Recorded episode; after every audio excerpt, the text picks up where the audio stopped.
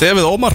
Stefið. Já, ég að segja ykkur það. Síðasti þátturinn fyrir uh, mót. Síðasti þáttur fyrir bestu deildina. Það er alltaf svona viss fílingur Þegar við uh, sitjum hérna Síðasta þættinum fyrir mót. Við aldrei gert það svona snemma á Nei, vilt svo skemmtilega til að í fyrra Svo við, við höfum aldrei gert það svona snemma. Já, Og árið þar að þess að við, heyrðu, við höfum aldrei gert það svona snemma. Þannig Já. ég hlakka mikið til að setja hér uh, á nýjóstæk Og vera að fjalla um deildina sem antala byrjar annan janúar. Við förum ekki að hætta þessari villisu sko. Það er verið að stytta lengsta undirbúinistímabili í heimi all verulega. Já, og spennan og gríðarlega með þessum veður ofsa sem að nú gengur yfir landið. Páskar rétti svo sannarlega að standa fyrir sínum að getum alltaf staðið í lappirnar fyrir þessu óveðri sem að deinur nú yfir þessa djöfla eigu Sko, ég var nefnd að skoða viðurspána fyrir mánudaginn Bara í morgun. Mm. uh, Verðist vera svona blöytur mánudagur En það á ekki að vera vindur Og ekki að vera rokk Það er líkilætrið Já. Það má ekki rók og fótbolti Sérstaklega íslenskur fótbolti Einnar stúkubolti Einmitt. Ekki í búði Ekki í búði Nei. Herru ennski boltin er farin á stað þessa helgina. Það er hálftími búin á Old Trafford í Manchester Það sem að staðan er Manchester United 0 Everton 0 eh, Nóa færum samt í þessu. United er búið að fá 84 döðafæri En er að sína mjög glæsilega farmistuði Í að klúra þeim öllum. Sim- Varnarleikurinn og yfirtópunum er alveg skelvur Alveg skelvulur og David De Gea var næst í með 70 metra stóðsendingu á hann en Anthony gera það sem Anthony gerir hvað best og skoraði ekki.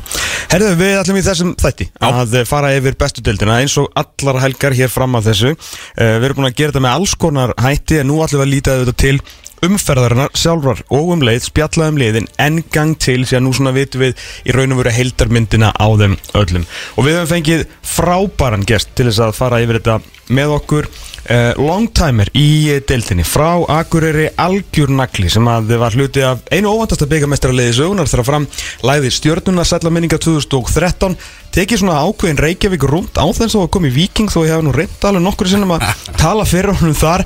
Fram Káa, Valur, KR þetta er að eh, sjálfsögðu maðurinn með nokkur R í eftirnafnu Almar Ormarsson. Velkomin Almar. Þakkaði fyrir. Herðu, nýr kollegi líka Ah. beint af vellinum Já. í bara viðtöl á já. þú færið um svona 1 metr Já, uh, þetta var kannski ekki álega stefnun hjá mér en, en endaði þarna á, á uh, Ríkis útvarpi allra landsmanna. Já, og uh, fekk að taka viðtölu núna í, í meistara keppninni já. Þannig að já, það er bara skemmtilegt að, að yfirgefa völlin ekki alveg. Nei, nákvæmlega, og verið í snertingu við þetta og vandalega þá eitthvað að taka viðtöl í sumar og fá að fara hans á völlinu og eitthvað Já, það er vonandi að maður fái eitthvað að taka þátt. Rúf er náttúrulega með byggarkeppnina Einmitt, Þannig þú að hlýtur nú að vera eitthvað stöðar þar í kring og- Já, já, ég, ég mun tróða mér einhver starf þar sko. En hvernig er að vera hérna hættur?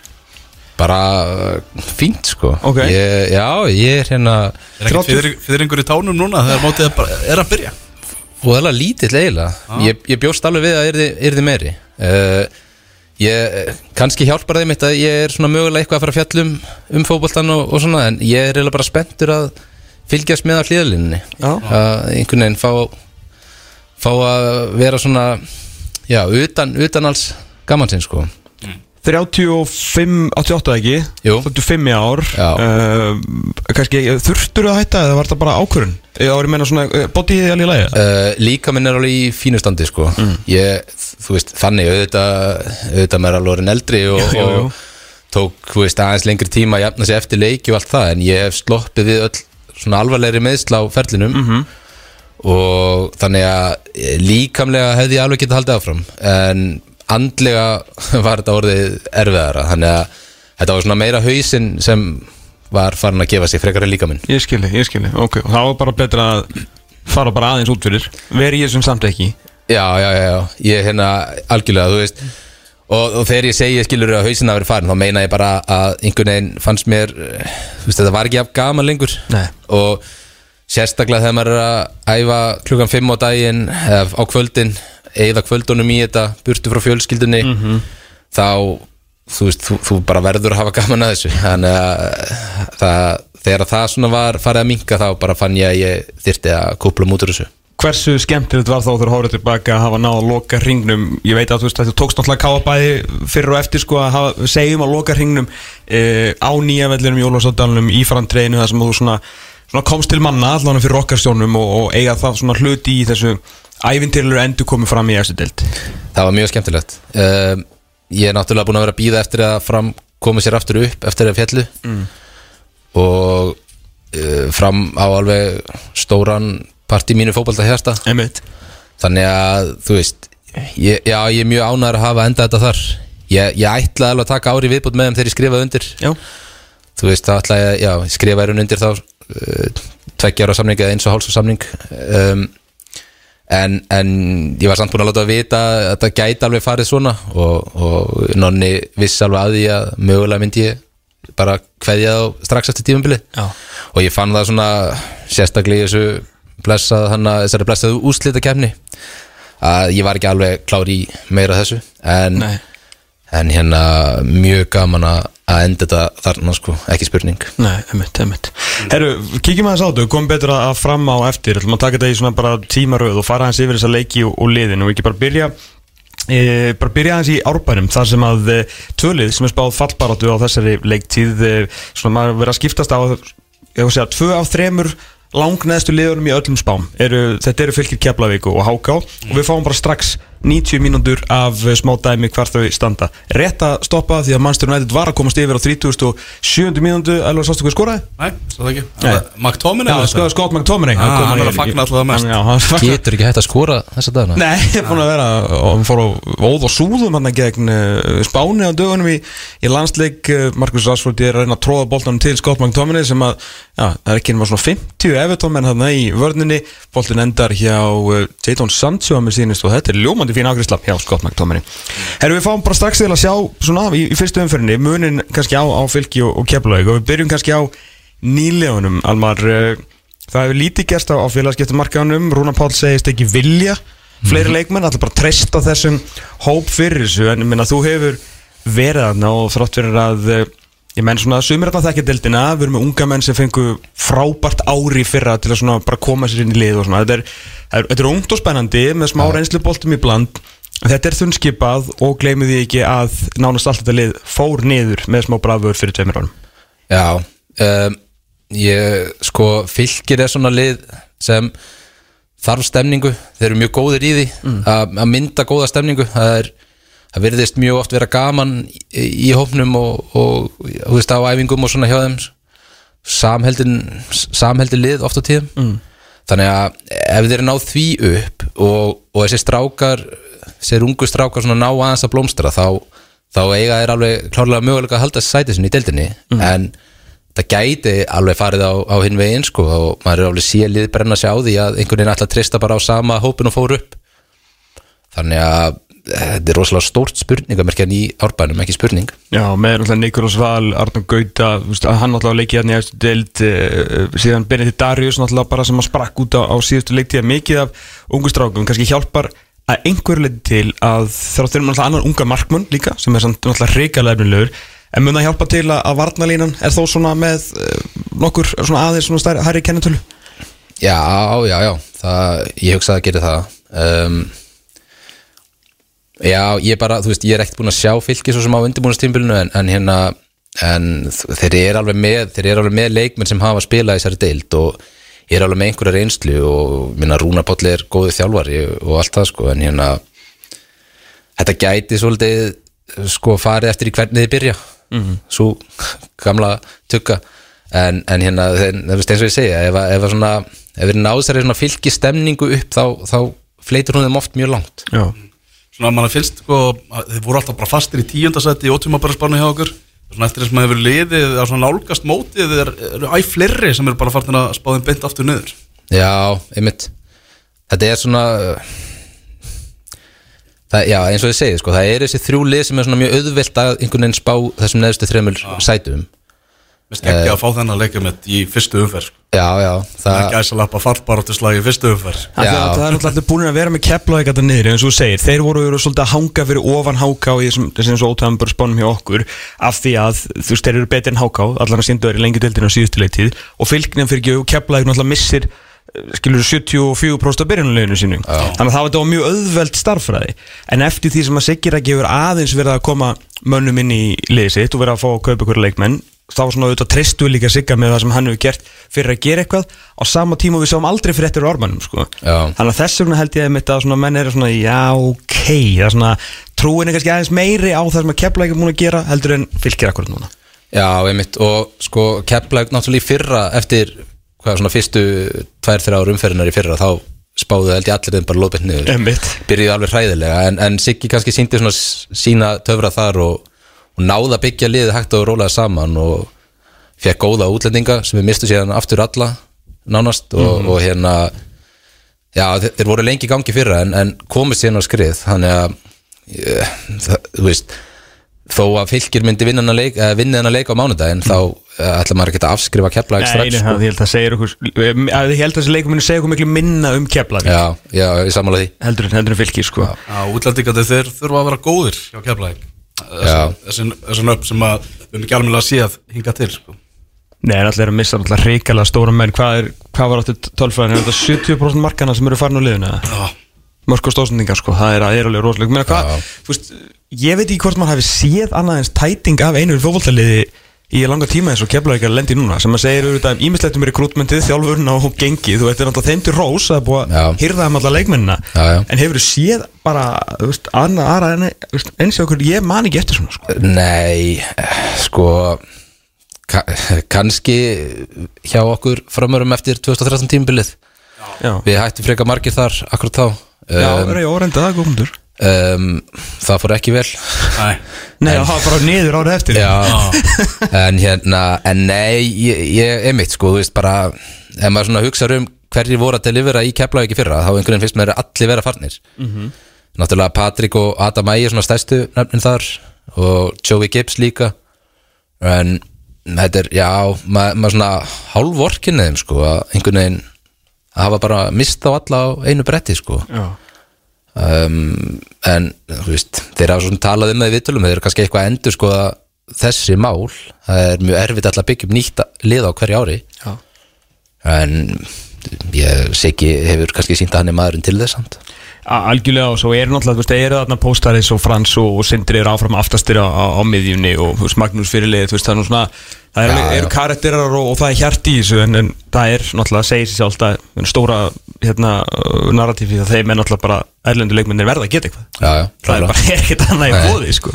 11. seti Keflæk í tíunda í spá fótballta.net á sama tíma. Uh, Mótið hefst á, á tveimur leikim og, og fyrir norðan, það er ansið safaríkur leikur. Káa KR, klúpa sem að, þú þekkir nú ansið vel, Almar. Já, Spennandi tímabil fyrir, fyrir norðan náttúrulega framöndan, Evrópikeppni og alls konar stuð. Já, virkilega skemmtilegt og bara það, svona, það sem maður heyrir þá er mjög mikil spenna fyrir þessu öllu. Um, mér heyrist á öllu með þessu mjög ánæði með hatta en það toppmaður. Og e, náttúrulega, þú veist, eitt af skemmtilegt sem að gera í þessu er að vera í þessari Evrópukefni þannig að vonandi náði svona komast áfram eina, jafnvel tvær umferði þar uh, hvað er alltaf að spila leikina veit ég ekki en, en það kemur í ljós. Já, En já, mjög, mjög sko spennandi ár framöndan uh, Svona flestir einhvern veginn að spá þeim neðar en þeir vilja vera. Já. Hattu svolítið kvartað yfir því eða þannig en hérna Þetta er svona, þetta er mjög þekkt þekkt dæmi að landsbyðarliðanum er spáð neðar en, en þau vilja vera. Það er fólk svona fylgist eða sér minna af þeim á undirbúinistímbilinu og, og, en, en ég minna að Káa fór í úrslit lengjubikarsins og, og voru mjög nála til að vinna það. Þannig að þeir eru með gott lið og, og ég var alveg trú að þeir verði verði ofalega í sumar sko. Þarna markvarða meðsli, Tómas, hjá, hjá Káa Já. Já, Jaló byrjar ekki í mótið og verður frá þarna fyrstu vikunnar Þannig að Stubbur kemur aftur inn. Já, og Stubbur náttúrulega misti sætið sitt eftir bara slakar, mjög slakar framistöður í, í fyrra. Já, algjörlega sko. Ég hérna Ég held að þessi gæti verið svolítið erfitt fyrir hann að einhvern veginn að ná sér í ganga Þetta var svona, þetta var svo mikil öskubusku saga fyrst og, og, hann, og honum til mikil srós að þá náttúrulega lifði hann ekkit bara á okkur um góðum 6, 7, 8 framistöðum þetta ár sem hann átti þetta drauma tímabil hann var góður nánast allt tímabilið og Káa stóð sig fanta vel uh, og ég bara mun ekki alveg tilbaka hvort það veri eitthvað mistöku eins og öllum mörkmunum í heldina var hann algjörlega frábær. Já.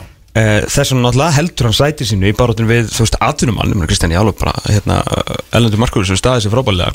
Ég er reyndar að vinna í en Já, já, ég, svona, ég segi sko hérna, hérna, En já, kemur vissulega erlendur hérna, Þannig að Þá missar hann sæti sitt að því hann, að því hann er bara slagur í raun og veru. Og ég bara þekki hann ekki nóg. Ég held að við höfum ekki bara séð nóg, nóg mikið af honum.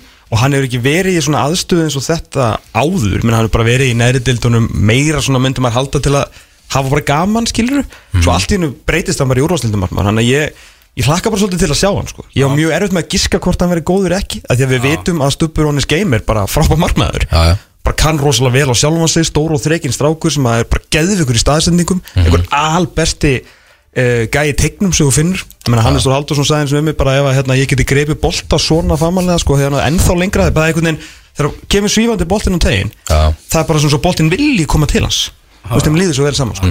Ég held að þetta getur verið skellur fyrir það að, að missa, já, já, lói meðsli í upphæðu tímafils Já, því að ég, þú veist, það er ekkert rétt að rann svar í þessu sko, því að svo geta hann alveg komið sér aftur í gang, því að þeir eru náttúrulega með hörku vörn og, Já, og hérna, ég held sé stundum svolítið bara þægilegt að vera í markinu að gáða Þessi, þessi tvölið sem er fara að mætast á Akurur á, á mánudaginn Þau vilja vera í Evrópakefni 2024 Það er klásmál já Já, já, og ég meina í vesturbænum er það bara þannig að, að það skiptir engu máli hvernig liðið er. Það er stefna sett á titil. Já. og þú veist það orðið uppbygging er ekkert til hana þó þeir séu uppbyggingu núna. Það það er fullt af nýjum ungum leikmunum sem maður er kannski ekki, maður er ekki séð þetta mjög oft áður hjá Káir eða hjá Rúnari. En þú veist, Rúnar er bara þannig gæi að hann, hann stefnir á fyrsta sæti sama hvort það sé eitthvað raun eftir ekki. Og ég meina þegar, þú veist, þegar að Káir urði Íslamestra síðast það var ekkit margi sem þau trúaði um fyrir tímabilið. Alls ekki. Þannig að þú veist, þeir hafa alltaf trú hana, hana vestu frá og, og þeir, ég meina ég er klárlega stefnaður á Evrópusæti og, og, og ef ég þekki þau rétt á stefnaður ég með lennharinn það sko. En, en hvernig bara þú veist lístir á liðu með hérna, Finn Tómas sem að þarf að sína okkur aftur hvað hann getur. Ég þú veist, hann er bara fallin úr skilur topp þrýr meður í dildinni niður í bara ég geti sett svona 12 manns á undan bara út á framustuð, ekki hæfileikum. Við Já, vitum já. hvað hann er frábær. Með Greta Snæ sem á eftir að sína okkur að hann geti spilað fyrir káir að ykkur viti miðjan af þú veist, Ólaf upp í þykir fýtt skilur við með að sjá bara hvernig hann er í dildinni uh, Aron Þórður þú veist, maður veit ekki svona í kringum rosalega og svo náttúrulega þurfa fram þá fer þetta svona aðeins að vera flottara með Kristján Flóka og Alla og síðan Luke Gray sem er spennandi.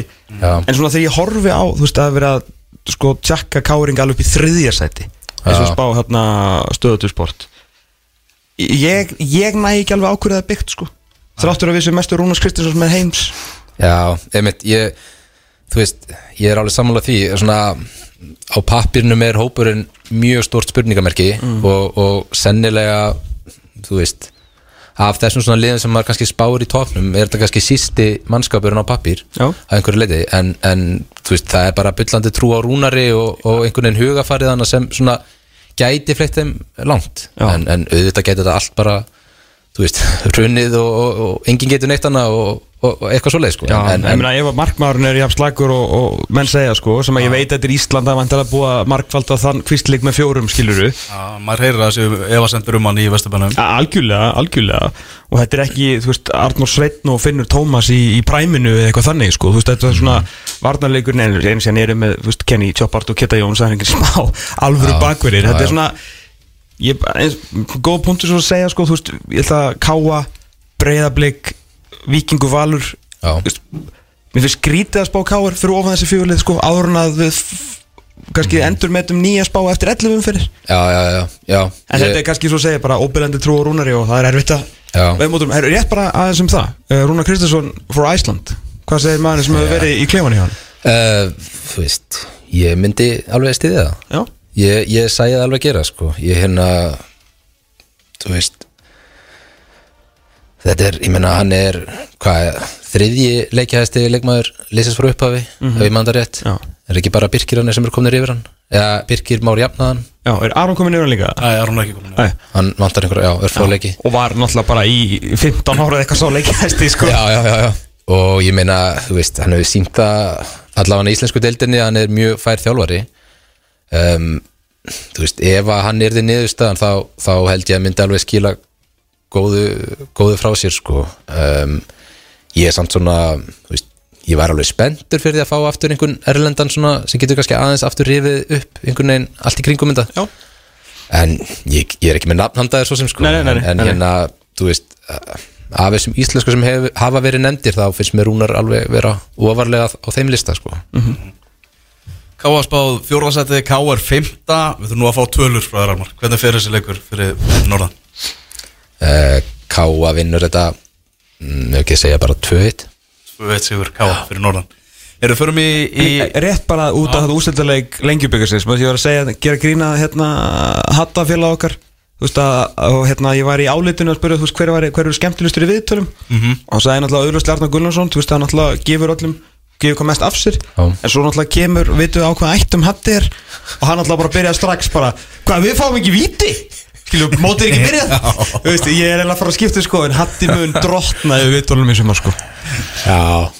Ríkilega spennandi þjálfari. Já, mjög svo, Já, já. mjög svo Það er að segja þess að er Eru 18.30 Þá er uh, hlýðarendi Við erum að tala um Valur IBVF uh, Val spáð öðru seti að fótbolta.net net, IBVF því áttunda Nýgrindir lengju byggar mestrar Vals með Arna Gretas með, með stjórnartaumana. Mm -hmm. Sagði það nú sjálfur að það var nokkið fögnuður sem lengju byggar úrslitum, ekkert, ekkert allt og mikið. Þeir eru meðvitað um það hvernig fór hjá FH í fyrra sem, að, sem unnu, unnu sama titil. En hvernig líst þér á, á valsmenn? um, Bara, þú veist, þeir verða Þeir verða solid eins og, eins og kannski allir eru búin að segja. Ég meina Þetta verða væntalega ekki skemmtilustu leikinir í sumar. Og, og hérna, þú veist Þeir eru með svaka vörn og, og með Arnar að skipilegja þetta þá veist, þeir munu halda reynu svona 14 sinnum í sumar. Um, en hérna þeir þurfa að fá sóknamenninu sinni í gang. Uh, Tryggvi þarf að þarf að delivera almennilega og ég minna þeir eru náttúrulega með andra rúnar að koma tilbaka úr meðslum og, og Patrik er líka búin að vera meittur og byrjar held ég ekki tímabilið. Um, þú veist Aron Jó er náttúrulega besti fótboltamæður í þessar deild en það er samt svona spurningamerki hvort að hann eigi að vera á toppnum eða ekki. Uh, er ekki Hvaðan er mörgum leikjum? Já, og, og hvað hann er mörgum leikjum. Ég veit ekki alveg hvernig standið á honum er núna en, en hérna hann náttúrulega var svolítið svona frá í fyrra og meðslina stríðunum en, en já, þeir eru með þessi kannski já, allir þessi fjórir sem, sem tala um sem svona geta að spila á topnum eru allir búin að vera klímaði meðsli þannig að það er alveg spurning hver á að skóri sér mörg fyrir þá.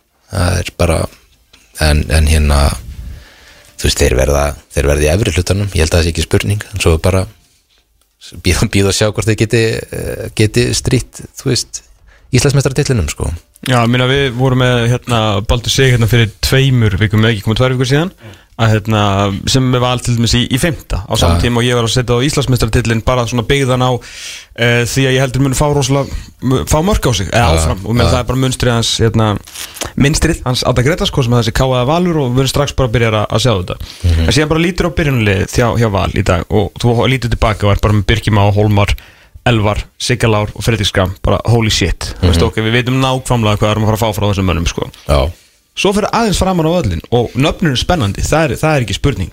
En þetta er ekki svona ég veit að Adam Ægir áttu drauma sísón, en nú er hann að fara á allt annars svið. Og ég hefur þetta sko hann sé ekki svona meðvitaður um svið sko, þannig að hann var bara að leika listi sínar en síðan þetta er samt annan dæm pressan er miklu meiri veist að hann, bara valsmenni það er ekkit, það var margir mætt þarna og einhvern veginn bara svona kóðnaði undan álæðinu að spila fyrir val. Lukas Lógi, annar, ótrúlega spennandi leikmaður. Þú veist að þetta er að sína okkur í eftir deild. Aron Jó, hvað fara margar leiki e, í sumar? Vonandi sem flesta til að skemmt okkur. Patrik Meittur, Hlynur Freyr á miðunni, annar spennandi strákur. Algjörlega óskrifa blað, Birgir Heimisson hann og eftir að, að að púsla saman fyrir okkur heiti leiktíð. Tryggvi Hrafn og Andri Rúnar eins og segir og kom úr meðslum já, og Patrik Meittur Já, Já. Þannig að það- er sko þú veist, fullt af spurningamerkjum fullt af spurningamerkjum í þessu liði sko. Að- framarlega á vellinum. Já, framálega veldur aftar það er engin spurningamerki aftar sko. Nei, nefn, þanga til kannski einhver meðist þar þá, þá jú, jú. fara að koma spurningar sko. Já, Hólmar Tæpur fyrir, fyrir fyrsta leik. Já. Sagði- hann sagði að Andri Gretas að veri 50-50 Já, en Elva Freyr Helgason náttúrulega mættur og hann var frábær í þessu leik úslítaleik lengjubikarsins já, já, ég minna hann er svona bara maður, frábær maður í, í missjóni núna. Já. það er einhvern veginn allir voru búin að afskrifa hann. Að alltaf sína það að hann er ennþá klár sko. Já, já, Og ennið spurningamerki er náttúrulega Andri Rúnar. Hvað gerir hann þegar að fara leikina? já. Já. Fáum við eitthvað 2019 versjón eða bara, þú veist Það var ekki svo að vera lélur í fyrra. Þegar hann var ekki í smá standi þá bara rafaði henni mörgum eins og hann hefur alltaf gert. Já, já. Ég, ég, veist, ég held að einhvern veginn ef, að- ef Andrúnar kemst í, í almennir stand og, og jafna sig algjörlega á þessu meðslum þá gæti hann orðið mjög góður í þessu valsliði. Ég meina með Aron Jó og, og Kitta Frey að þú veist að finna hann inn í tegnum og, og ég meina þú veist Birkir Már og, og Siggi geta báðið að krossa Einmitt. Hann líka, þú veist, þegar þeir eru að verjast eitthvað djúft, menna frábæð leikmaður til þess að sparka þú veist, í eitthvað svæði og hann nær boltanum. Já. ógeðslega góður að halda munum frá sér svo svakalegu skrokkur, þú veist, hann hendar þeim að mörguleiti ótrúlega vel. Já, já, og ég meina hann og Tryggvi gætu einhvern veginn mynda eitthvað svona par saman sko, þú veist, Tryggvi inn fyrir hann og í svæðið og svona, þannig að veist, þeir eru, alveg, þeir eru klárlega með optionin í, Ekki í góðan sóknarleik en, en það bara, Hversu mikið sóknleik vilja þið spila? já, svo er það Valur, og IPF mættust líka í fyrstu umfyrin í fyrra, í fyrra á, á hlýðarenda þar sem að Artur Smára skoraði hann að séu marki 81. mínútu. Já, og eigamenn, þeir voru nú ekkert allt og sáttir við þarna að þeir döldu segja að skilja meira úr, úr þeim leik heldur við fengum já uh, ég, svona, ég man eftir þessu marki hans Nóra en, en ég man ekkert voðalega mikið eftir leikninu en bara hann var held ég svona frekar jafn. Uh, en þú veist, eigamenn eru þeir eru líka svolítið spennandi lið núna í, í sumar. Þeir eru að fara að mæta hann inn bara með pressu, hlaup og, og djöfngang í, Já, já. í þennan leik á morgun á segi Já, og bara, þú veist hemmi reyðast bara í essinu sínu sko. og þeir eru búin að ná frábærum úrslitum í, á þessu undirbúnstímbili en, en það er ekki alltaf alveg að marka það sko. en, en það er samt svona kannski ólíkt IPVF oft, þeir eru ofta að púsla liðinu sínu saman svona í 50-70 umferð ennþá. En núna virðast þeir bara vera komni með svona nokkur veginn sitt lið. Og margir, margir spennandi leikmenn og, og hérna svo litið bara svona byggja byggja ofan á síðasta tímabil. Það verður svolítið fróðald að sjá sko, einmitt eins og segir, eigamenn koma í fyrsta sinn, í kannski í sögunni eða eitthvað allan í okkar lífstíð á hverju flugi inn í mótið. Já, Það hefur hvernig aldrei gerst, þegar að koma í bæinn, spila tvo leiki lengur byggarnum, gert í aðtöfli öðrum og tapa hinum 4-0 því að menn voru einhver þreyttir eða þurft að skipta út heilu lið, undirbúðstífili hefur oft verið svo mikið bullið þeim, þar sem er alltaf að búa í öðru landi, mm veist, með hálft hús og leikmenn að æfa á sig einhverju starf, þetta er alltaf sama tökjan sko, Já, já. svo allir bara mæta á æfingarferð, rúlla upp veist alltaf því skilur upp, bara standa sér frábælega, uh, með lið, Ég meina, þú veist, eftirstu þrýr, Jón Ingarsson bara fullmótaður maður í þessari deild Eður Aron sín degi besti miðurinn í þessari deild. Já. uh, Elvis flottur, veist, kannski alltaf minnst talað um hann. Já, hann er búin að vera frábær. Já, bara virkilega öflugu varnamaður Já, í þessu þriggja Alvöru harða- markmaður, kerfi. komin Já. í, í markið. Það er Hérna- náttúrulega valur mun eiga báða markverðina í, í þessum Já, þetta er rétt. En í má að spila það? Já, valsmenn bara lánuði hann til IPVF og engin, engin klásulum það að maður ekki spila mótið. Sverri Páll og, og hérna, Haldur Jón frammi skilur við, þetta er ekki eitthvað hæfileikar ekki mennir En í svona fótbolta já, já bara Menn sem geta hlaupið bara allan daginn og okkur fram á morgundaginn sko. Já, ég, veist, ég myndi ekkert nenn að vera hafsend á móti þeim held ég sko. og, og hérna þú veist, það bara ef að, ef að Halldór Jón Sigurður heldur áfram að skilja þessu mörgum sínum Sverri Páll svona já, sýnir okkur hvað hann getur hann er mjög, veist, hann er flinkur uh, í, í ímsu, hann er náttúrulega nöyt sterkur, -hmm.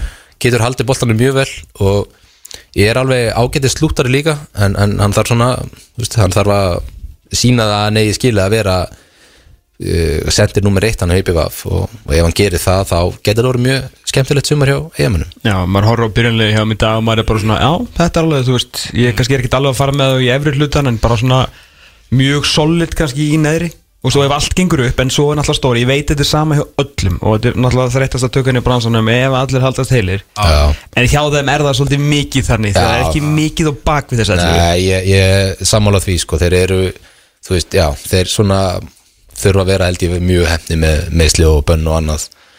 Uh, ég meina að munu leikn fara í, bö- í bannðana, það er alveg 100% held ég. En, hérna, en þeir þurfa að sleppa við, við meðslin hjá, hjá þessum fyrstu 11, ég held að það sé ekki spurning. Já En allan að það er bara spenna því ég hef aldrei manna eftir sko eftir spennandi eiginli nema þú veist hjá heimi Hallgríms þegar það voru bara alltaf í titilbálatur en þá varstu líka kannski svolítið einmitt á þessum stað, þá vissir alveg hvað var að fara að gerast. Og þekktir allir liðinu. Þetta búið bú, með, hérna, byggjast upp svona continue, þú veist, þeir voru bara eitt besta lið á landinu. Já, þú veist, með, með Eið og, og hérna og Tóta og Tryggva Guðmunds og alla þessar skilju, voru bara frábært lið. Já, já. en undanfarn ár hefur þetta verið svolítið svona bútasömmur alveg bara fram á síðasta hérna, sjöludag sko. Já, ég sammála því.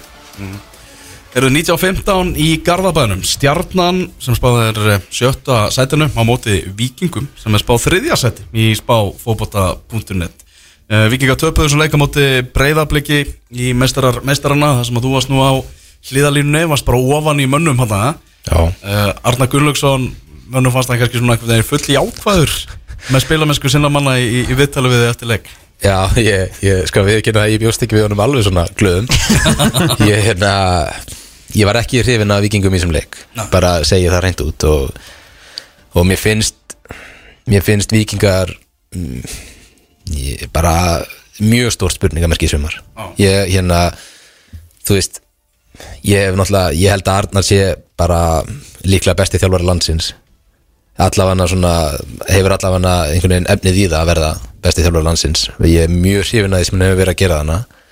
Uh, og bara, þú veist, að hlusta á mannin tala um fótbolt er náttúrulega bara æðislegt sko. Mm.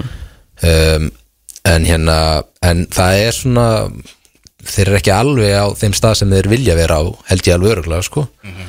Þannig að mér, mér finnst þeir eins og staðinu núna, mér finnst þeir ólíklegri heldur en þeir voru í fyrra að ætla að veita breyðablík alveg samkefni en svo getur vel verið að, að Arnar sé með einhverja hana, og, og, og galdra eitthvað stórkostlegt fram sko. Ég horfði horfði á hann að leika á, á Rúf 2 og hann að maður sá bara þú veist, Arna Gullarsson var mökk pyrraður eða allan leikin á hliðalínunni að- en ég skil hann alveg svona í viðtalið það stutt í mót, stutt í þetta byrji að hann vilji halda jákvæðinni í leikmannahópnum þegar, þegar bestadeildin fyrir að stað sko.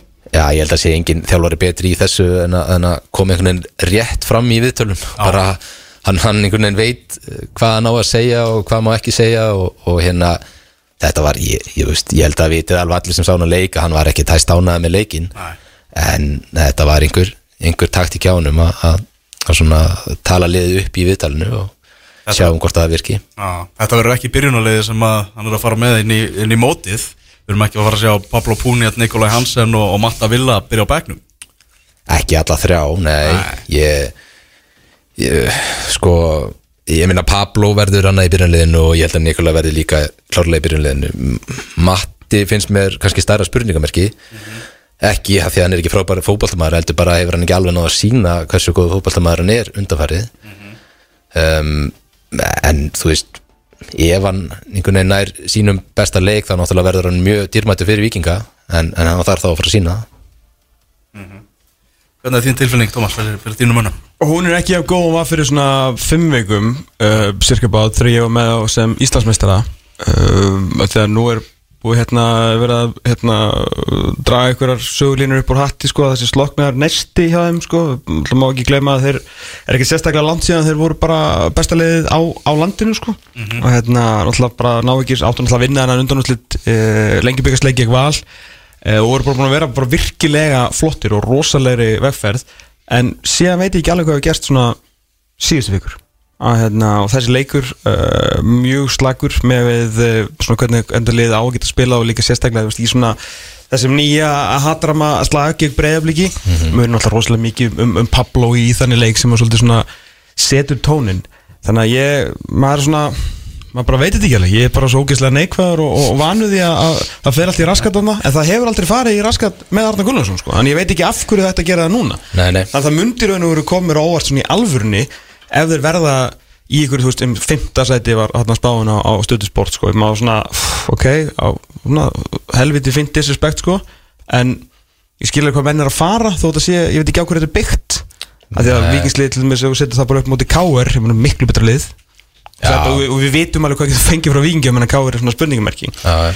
uh, munur um aðra Sigurból sem eittur það er ekki gott Meina, hann hefði verið bara í in the running að mínum að þetta hefði ekki farið inn tímbilið sem svona leikmaður sem getið gert tilkall til þess að vera besti leikmaður mótsins. Já. frábær leikmaður sem var geggjaður í fyrra. Þegar kemur hann aftur inn? Uh, það er eitthvað, það er svolítið ég held að missi af allavega april ef mann rétt, ég er bara, bara eh, ekki skjóta að senda upp á hann sko. það er geggjaður að koma Níko í gang Þú veist, þetta var ekki einhver lukka hann fyrir tveimur árum, sko, bara ef hann fær þjónustu og skora gæmörk, það er ekki sérstaklega flókið. Nei, nei, ég meina, hann síndi það þegar hann kom inn og líka. Einmitt, Hann var bara líklega, líklega besti maður vikings í þessum leik. Algjörlega, þú ert með Elling Agnarsson, þú ert með Juris, þú ert með Punja, þú ert með Loga Tómasson. En stóra spurningi markið er varnarleikur Haldur Smári, 30 og er ekki þér, ekki 88, ég held það, 89 eða eitthvað. Eh. Nei, en hann er 92 fyrir ekki Ég, ég, ég man ekki, hann er ekki Sigga Lár aldur eða eitthvað? Hann sá, uh, aðeins að fara í þetta. Ég Hann er 88 Hann er 88, ok, þú er allir núna klári í þessu. Herru, hérna Meittur rosalega mikið í fyrra. Núna ætlar hann að þú veist, taka þetta alveg Hann er hérna búin að taka sig frí í vinnunni Og ætlar bara að vera miðvöru nummer eitt hjá vikingi En ég bara, þú veist, veit ekki hvort hann geti það. Þú veist, á er ég bara líkamlega Ég hann alltaf nógu góður. Gerir mistök í þessum leik Alveg skjálfuleg mistök. Uh, Oliver Ekroð þá ennþá eftir að sína mér Þú veist, að hann geti Þú veist, tjakka þessu upp í, upp í heilt tímabil.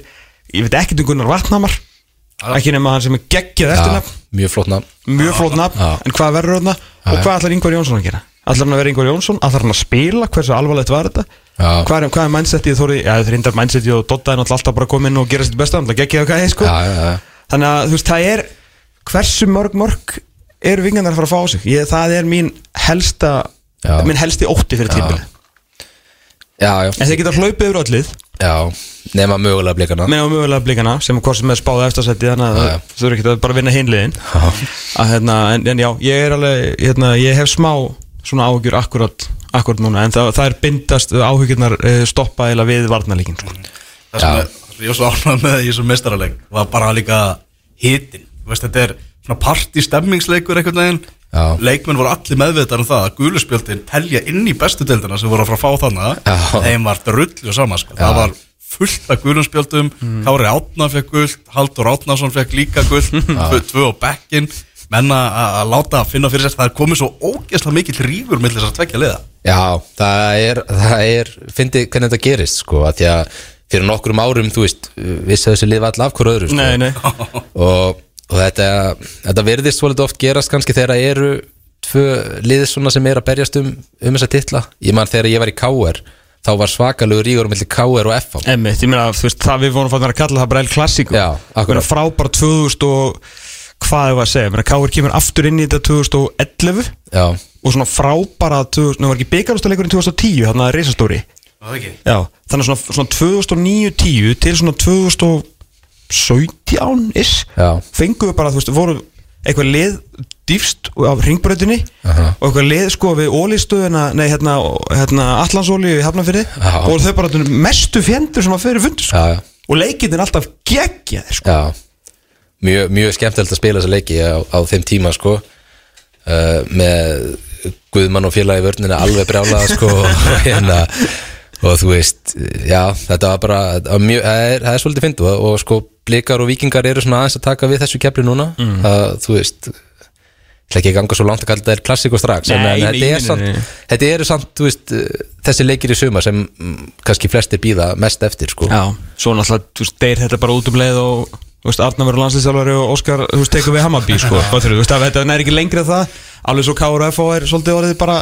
KRFO í dag. voru, voru fimm byrjunleismenn hjá blikum sem fengur guldspjaldi í þessu leik. Það kom þessu guldin í bestu já. úr meistarakefninni Já, og ég meina, þú veist það, það hefði ekkert komið mér á að einhver hefði fengið raukt spjaldi í þessum leik, sko. Það var alveg, þetta var alveg þannig dæmi, sko. En, en, en það, það er mitt, mér fannst blikarnir gera það betur uh, ef við getum orðað þannig, heldur en vikingar mitt og, og Haldur Smári sagði það mitt í háluleika að þeir þyrftu hans að fara að sparki þá. -hmm. þeir voru ekkert að því, að, þeir voru svolítið svona, þú veist bara undir í, í þeirri baróttu, sko og hérna, þannig að veist, ég, ég segi ekki að það sé áhyggjefni fyrir vikinga en, en þeir þurfa aðeins að býta frá sér í svona Já. leikjum sko.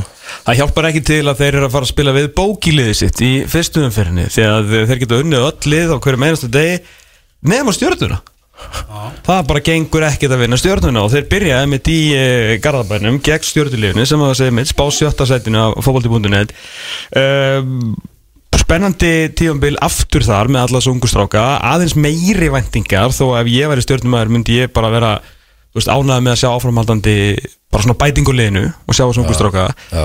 ég held að það sé ég myndi telja voru litla pressu á stjórnunni fyrir tímbili þetta ætti bara, bara að vera gaman en liði klálega betra, Hilmar Átni kemur inn Guðmund Kristján spilur um miðjunni, Guðis í lof. Uh, og svo bara allt þetta ungvið sem hann alltaf bara, þetta eru, hvað eru ekki þrýr hvað, hvað eru margir úr 19 allir sem er þarna ekki hálf byrjunlega bara úr stjórnunni eða eitthvað? Það voru þrýr Já, þeir eru með mjög skemmtilega unga leikmenn og, og það er kannski svona þú veist, það var bæði það sem einhvern veginn fleittið þeim áfram í fyrra og var þeim að falli. Einmitt. Það Það hefði finnst þér byrjuð engin náttúrulega sko. svakalegum krafti og svo svona leið og, og það fór svona ganga aðeins verð þá náttúrulega, uh, þú veist, réðu þessi stráka kannski ekki alveg við það. Nei. Uh, ekki það ég sé eitthvað að skella skuldin á þá sko, alls ekki, en, en, en það er svona þú veist, þetta er svona smá aftur, aftur í sumarið mitt þú veist, hver, og, og maður spyr sér svolítið sko, þú veist hva, á hvaða vegferð er stjarnan? Þú veist, þeir eru með þessu ungu leikmenn. Mhm.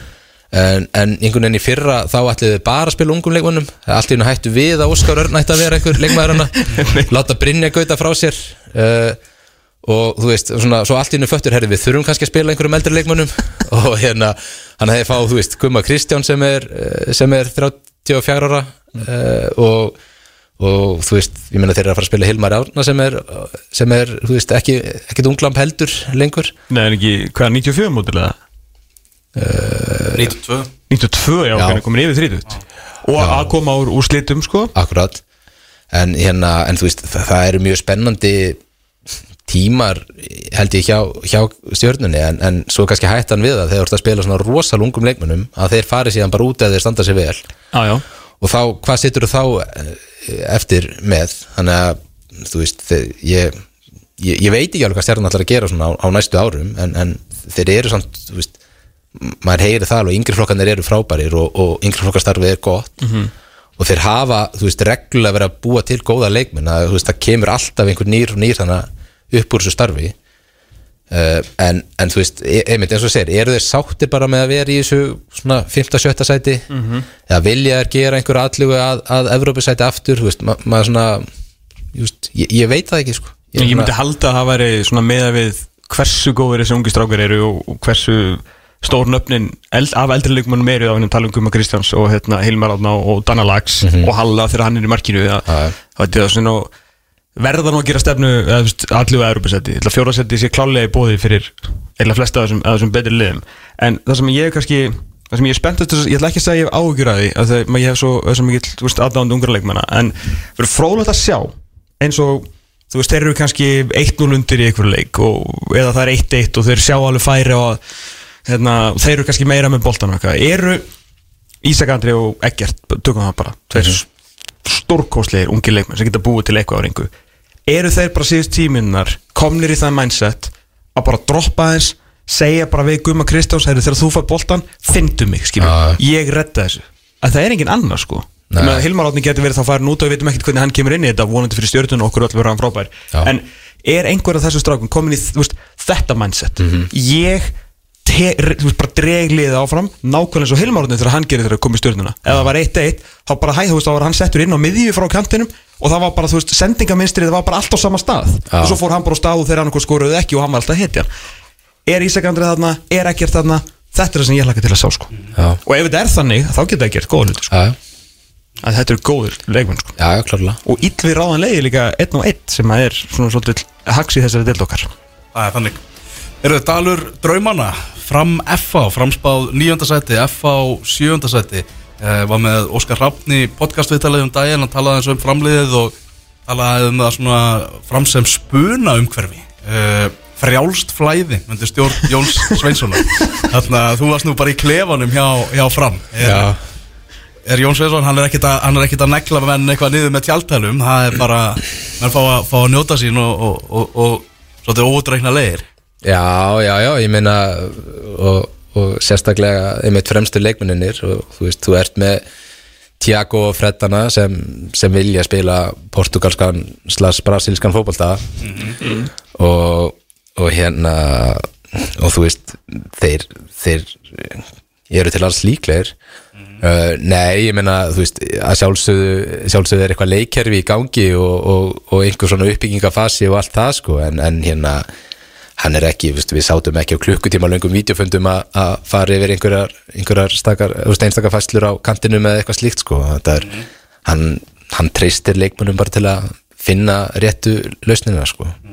Nú fattar alveg hvert Óskar Rafnir að fara með, með þessum umhælum Já, já, líka bara já, er ekki bara Óskar líka að vera að vera sniður? Já, algjörlega. Sko, ég var að vera að hrósa hérna stöðu sport klálega fyrir að hafa fengið Valdi Björn til þess að fara yfir uh, framliðið þarna í uppáttunum þættinum. En það var geggjað að sjá hann aftur á skjánum og líka náttúrulega hafi sko óbílandi trú á sínum mönnum og fannst þú veist allt fyrir neðan efri hlutan eiginlega bara ekki bólegt Alveg svo maður á að hafa. Já, Hvað er hérna Er fram betra eða slagar leðaldur á sísta leiti? Komandi inn í mótið? Uh, betra lið komandi inn í mótið heldur en komin í mótið fyrra. Já Ég held það sko. Uh, ekki, ekki búin að missa neitt voðalega mikið. Um, og þú veist ég er hrifin af, af þessum viðbútum hjá þeim.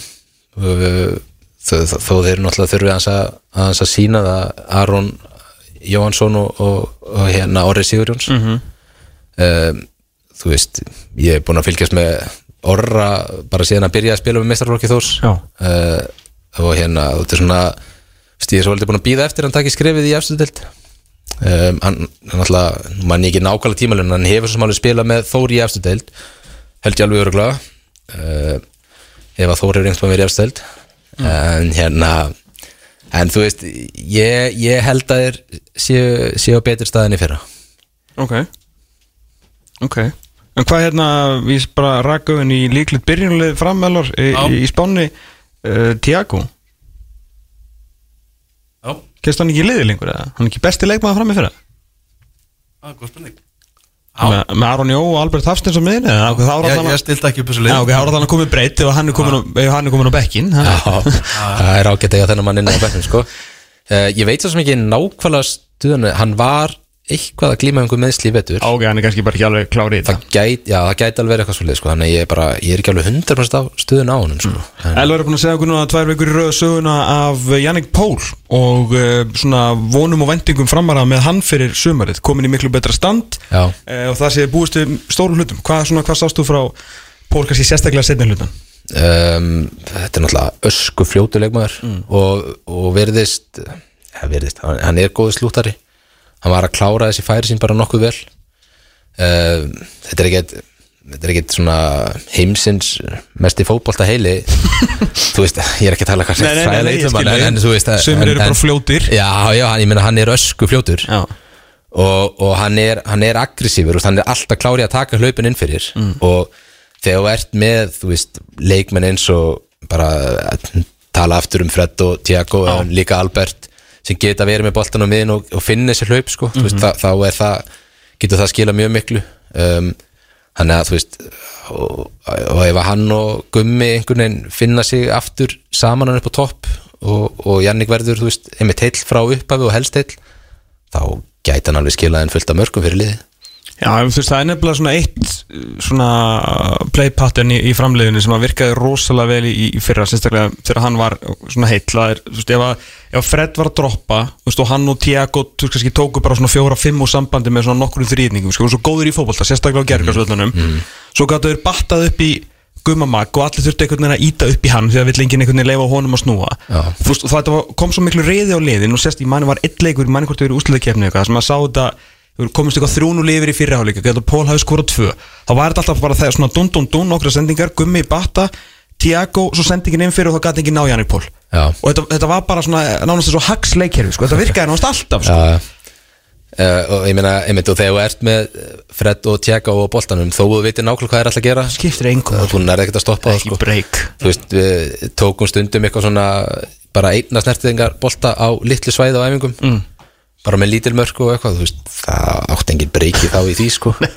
það er bara að taka einhvern veginn þrýherninga í, í kringu á þess að þú náður sko að snúa þig við þannig að þeir eru, þeir, þeir eru svakalega góður í þessu og, og Albert Hafstens er líka mjög góður í þessu með þeim Já, hann er sammála. mjög góður fótboltamæður og, og þú veist, einmitt að nýta styrkin í gumma sendi bolt eh, í lappir á honum og, og svo getur það með Jannik eða þú veist eða einhverja sem hinum ungu líka veist, Magnús Ingi áttur náttúrulega. Já. frábært tímabil sett, framan af og þú veist, hann þarf ég finnst hann þurfi aftur aðeins að, aðeins að stíga upp. Mhm. og hérna þá er hann, hann, þú veist, leikmaður sem getur nýst þeim líka mjög vel og, og þeir eru með fleiri ungaðana og, og hérna alveg, þú veist, mjög spennandi eh, fram á við, sko. Já, nýjöndarsæti hverju átti 7-8, IBF og F.A. FH, já, FH, já, þetta sem þeir eru að fara að mæta. Já, Já, Þannig að þetta er svona annar leikur er svolítið eins og fylgir keflaðið glið sem er kannski allar með þessa spá uh, við langt við trúum henni að á svona kannski fá að sjá hvar liðin eru því að fólk á rosalega ég held að sko allir sem sem að horfa á boltan og hvort sem vilja tjá sig á, á hérna við mikrofón fyrir fram að segja eða á kaffestöðum hafa alltaf nóg að segja um FH ég held að við séum bara ekki ennþá sem þjóð farin átt okkur á því hversu, þú veist, lélegir FH náðu að vera eftir hæðina sér náðu skilur Já, þannig að fólk vill rosa mikið tókað upp í efri hlutan bara því þeir eru, þú veist, mögulega stærsta brandið í, í fótboltanum eða búin, búin að vera það í svolítið langan tíma skilur já, En þeir endi að 11. seti fyrra Það er langur vegur í manni hvort, hvað var sæðin í síðasta þetta 13-14 stig sem að þeir þurfa að vinna upp sem er ekkert ævindirlegt, þetta eru fjóri sigurleikir ish, Já. svona ef að móti spilast svipa en að því öllu sögðu hvað ert þú svona með F-lið og hvernig líst þér á það? um, ég, Ég segjum bara efrið að neðri, þú ert ekki að segja ég, ég Ég, ég, ég alveg veit það ekki. Ég held- ég- ég er- skilu Þú veist, við vorum að tala um alveg spurningamerki á þann eins og Keflavík og Fylki og, Mhm. og þú veist, ég minna alls konar spurningamerki. FH er bara stærsta spurningamerki fyrir mér. Ok, ég, ég hef ekki hugmyndum, þú veist, framan af þessu undimúrstimbili þá bara letu þeir út eins og þeir allir bara verið í algjöru toppar svo, svo kemur einhver útlendingur og, og segir að þið skuldi sér penning og, og það hreinur allt. Og hérna skítöpuðu fyrir fyrir IBVF og veist, ég bara ég átta mig ekki alveg á því hvar þeir standa sko. Ég, ég, ég myndi einhvern veginn, ef ég ætti að giska núna myndi ég held ég segja neðri hlutin en, en svo bara ef að heimir einhvern veginn skilaði þeim í topp, þrjá eða eitthvað þá bara myndi ég heldur ekkert vera eitthvað steinhissa en, eða þú veist, jú, jú, ég er, ég hissa því reyndar en Hvað kröfur hægt að setja á, þú veist, Heimi Guðjónsson að hvaða árang, árangur, árangur þarf hann að ná með þetta lið á þessu tímabili. Efri hlutan fyrir mér það Já. er ekkert annað eðlilegt. Nei, nei, nei, ég, ég myndi, þú veist Ég vorum að tala um einhvern veginn pressun í KR áðan. Ég held að, ég held að pressan í F og sé alveg svipuð sko. Og þeir, já, ég sammála því. Þeir eiga, þú veist, þetta félag á að enda í efri hlutanum. En við erum búin að ræða einna 6-7 lið sem, sem geta vel enda í efri hlutanum líka. Þannig að, Já, og eru bara fyrir framann þá í, í sinni þróun. Já, mörgaðin skilur við, þannig að þú veist, það er bara mjög eðlilegt og ég, ég myndi ekki segja að sjöfunda sæti verður einhver katastrófa fyrir FH er- þeir eru ekki að leita að því.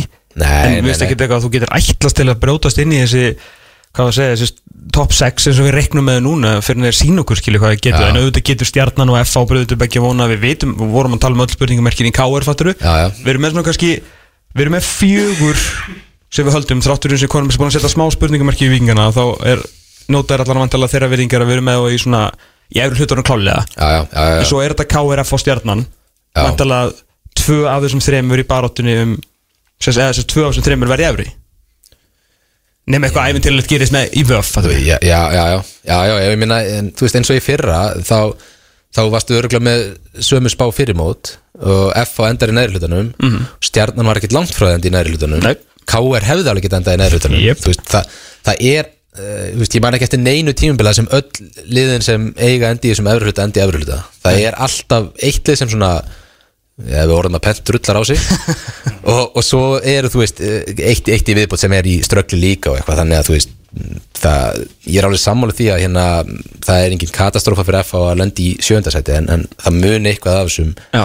svo, svo fremið sendir sé að sín okkur náttúrulega framþróum bara í Já. Leikliðsins já, já, já, já, bara, Þeir, já, einmitt. Ma, maður, veist, já, það þarf eitthvað að fara að gerast aftur hann í hefnafyrir, þetta er búið að vera ekki spes fótbolti og bara veginn, ekki spes stemning heldur, finnst mér, mér það svona eða verra eins og í fyrra, þú veist, mann er leiðsmá eins og væri bara leiðildin á vellinum hjá þeim, sko Svo, svo geta þeir nefnilega þeir þurfa aðeins mei, þeir þurfa að hafa meira fyrir því nú en áður að byggja upp stemningu bara því að þú veist þetta er bara stuðnis með móru og bara drullu sattir og bara allt í góðu, ég menn að þeir voru bara að ná æfintilum árangri.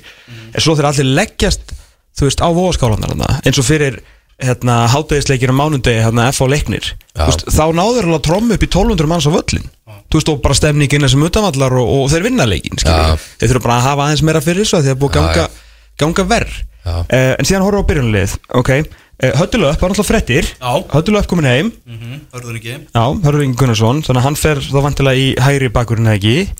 Uh, fyrir þá Jóhann Ægi sem var svona líklegur þarna í, í hægri bakurinn. Þá ertu kannski komið Höttulöf, Eggert, Dani Haddaka og Harald Einar Áskjömsson svona kannski sem fyrstu fjóra með Sindra svakalegt uppgrið Uh, veist, ég veit ekki alveg hvað maður er Egger Gunnþór ég, ég held að þurfi klálega miðvörið viðbútt Já. við stórfyruld að ekki fengið sér tvo.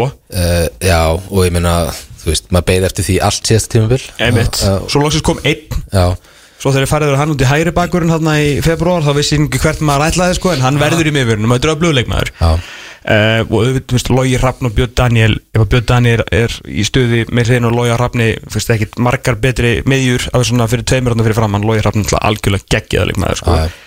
svo ertu með Lennon, hvað er hann? Og svo koma spurningamerkin þrjú ef við horfum bara á líklegt byrjunlega fótballtum út í net hver er framþróan Ólfinn Seðarssonar fljótur en þarf að sína okkur meira en hann er góður, skilur við, en hann er svolítið hár en Hann þá, er góður í sínu, já. Góður í sínu, já. Klálega. Ólfur Ágúst þú veist, bara synd okkur yfir heilt tímbil eða eins langt og það nær, en ekki að fara í skóla. Já. Já, og Vúk, já, bara það er nóg hæfilingum Já, en já. síðan það náttúrulega fara út á völlur að gera eitthvað. Já uh, Samkvæmt öllum í breiðoltinu þá er Vúk besti leikmann deildarinnar. Hann hefur ekki hend á sínta í FH Eða þú veist ekki þannig, ég meina auðvitað er Það getur verið erfitt að koma inn í segjum bara lélegt lið sem FH er búið að vera Já. síðan hann kom þarna. Uh, en, en þú veist, já, hann þarf að stíga upp og Lennon þarf náttúrulega að sína aftur hvað hann getur ef að þú veist, hann verður bara þetta í gang fyrir FH Já, en hvað er dett í ganga þegar nú er svona erum við að tala um tíu mörg erum við að tala um þú veist, tíu stóðsendingar og þú veist, sex leikilsendingar þú veist, er hann orðin ságæi? Er hann, þú veist, erum við að Við búast þurfum, við þurfum nátt- náttúrulega að fá mörg frá Já. alveg klárlega. Uh, við, FH-ingar ég þarf ekki að sjá það. Uh, Já, ég minna hann þarf að skila mörgum og, og á hann líka geta skapa færi fyrir hinn að stráka og, og þú veist ég minna hann er af þessum, af þessum sóknamörnum þá er hann náttúrulega reyndasti maðurinn og á, sínum degi besti leikmaðurinn að þeim mm -hmm. en hann var gjössanlega týndur í fyrra um, og það var kannski svolítið svona, veist, sem við talum bara, það var engin stemning í þessu F-fóliði Nei. og, og þeir þurfa að finna hann einhvern veginn aftur sko. Já, þannig að þetta verður- mjög fróðlegu leikur sko því að sjá líka bara hvernig fótbolta er komin með þetta og móti léttleikandi frömmurunum á þessum heimavelli þar sem að frömmurum líður mjög vel þetta er svona, þetta er mjög það er margir áhugaverð leikir og þessi er mögulega jú, fyrir við í áhugaverðast í það Nei, K.A.K. er líka. Herru, Já, erum förum í kópáin já, Átta á minnst áhugaverðasti leikur öfuranar liðinu sem er spáð samt kópa og slagur. Já. Liðinu sem er spáð fyrsta sæti Íslandsmeistara breyðabliks taka á móti liðinu sem er spáð neðsta sætinu. Hákáingum, uh, Kópá og Slagur breyðablik liðið sem allir vilja skáka allir að spá því að Patrik Jóhannesson verði markakongur. Hann skoraði náttúrulega í þessari meistarakefni hvernig listir á að blika í síðust, síðasta leik fyrir móti? Um, bara eh, eiginlega ofvel ég hérna veist, maður ma var farin að gæla við að, að þeir væru búin að fá, væru of mikið af nýjum mönnum komnir inn. Þeir myndi einhvern veginn ekki ná að púsla þessu saman. Um, þú veist, maður hefur séð áður þegar, að- að lið hrúin leikmönnum að það gengur ekki neitt. Og, og svona þú veist eh, ef maður svona vill, vill fá hérna spennandi Íslandsmót þá verða náttúrulega blikandur að vera aðeins lillir enn í fyrra. En eftir þennan leika móti vikingum þá, þá er ég smá hrættur um að þeir muni stinga af aftur. Mér finnst, þú veist nýju leikmennin sem voru að spila hennar leik þeir komu vel inn. Einhvern veginn attitúti í, gömlu leikmennunum var frábært. Um, þú veist og minna við tölum um að þeir voru að sparki vikingar og að finna fyrir sér voru að vinna öll innvíin þú veist, lið sem getur unnið öll innvíin á vellinum og verið betra fótballaliði það, það er yfirleitt fara að vinna fótballalegin sko.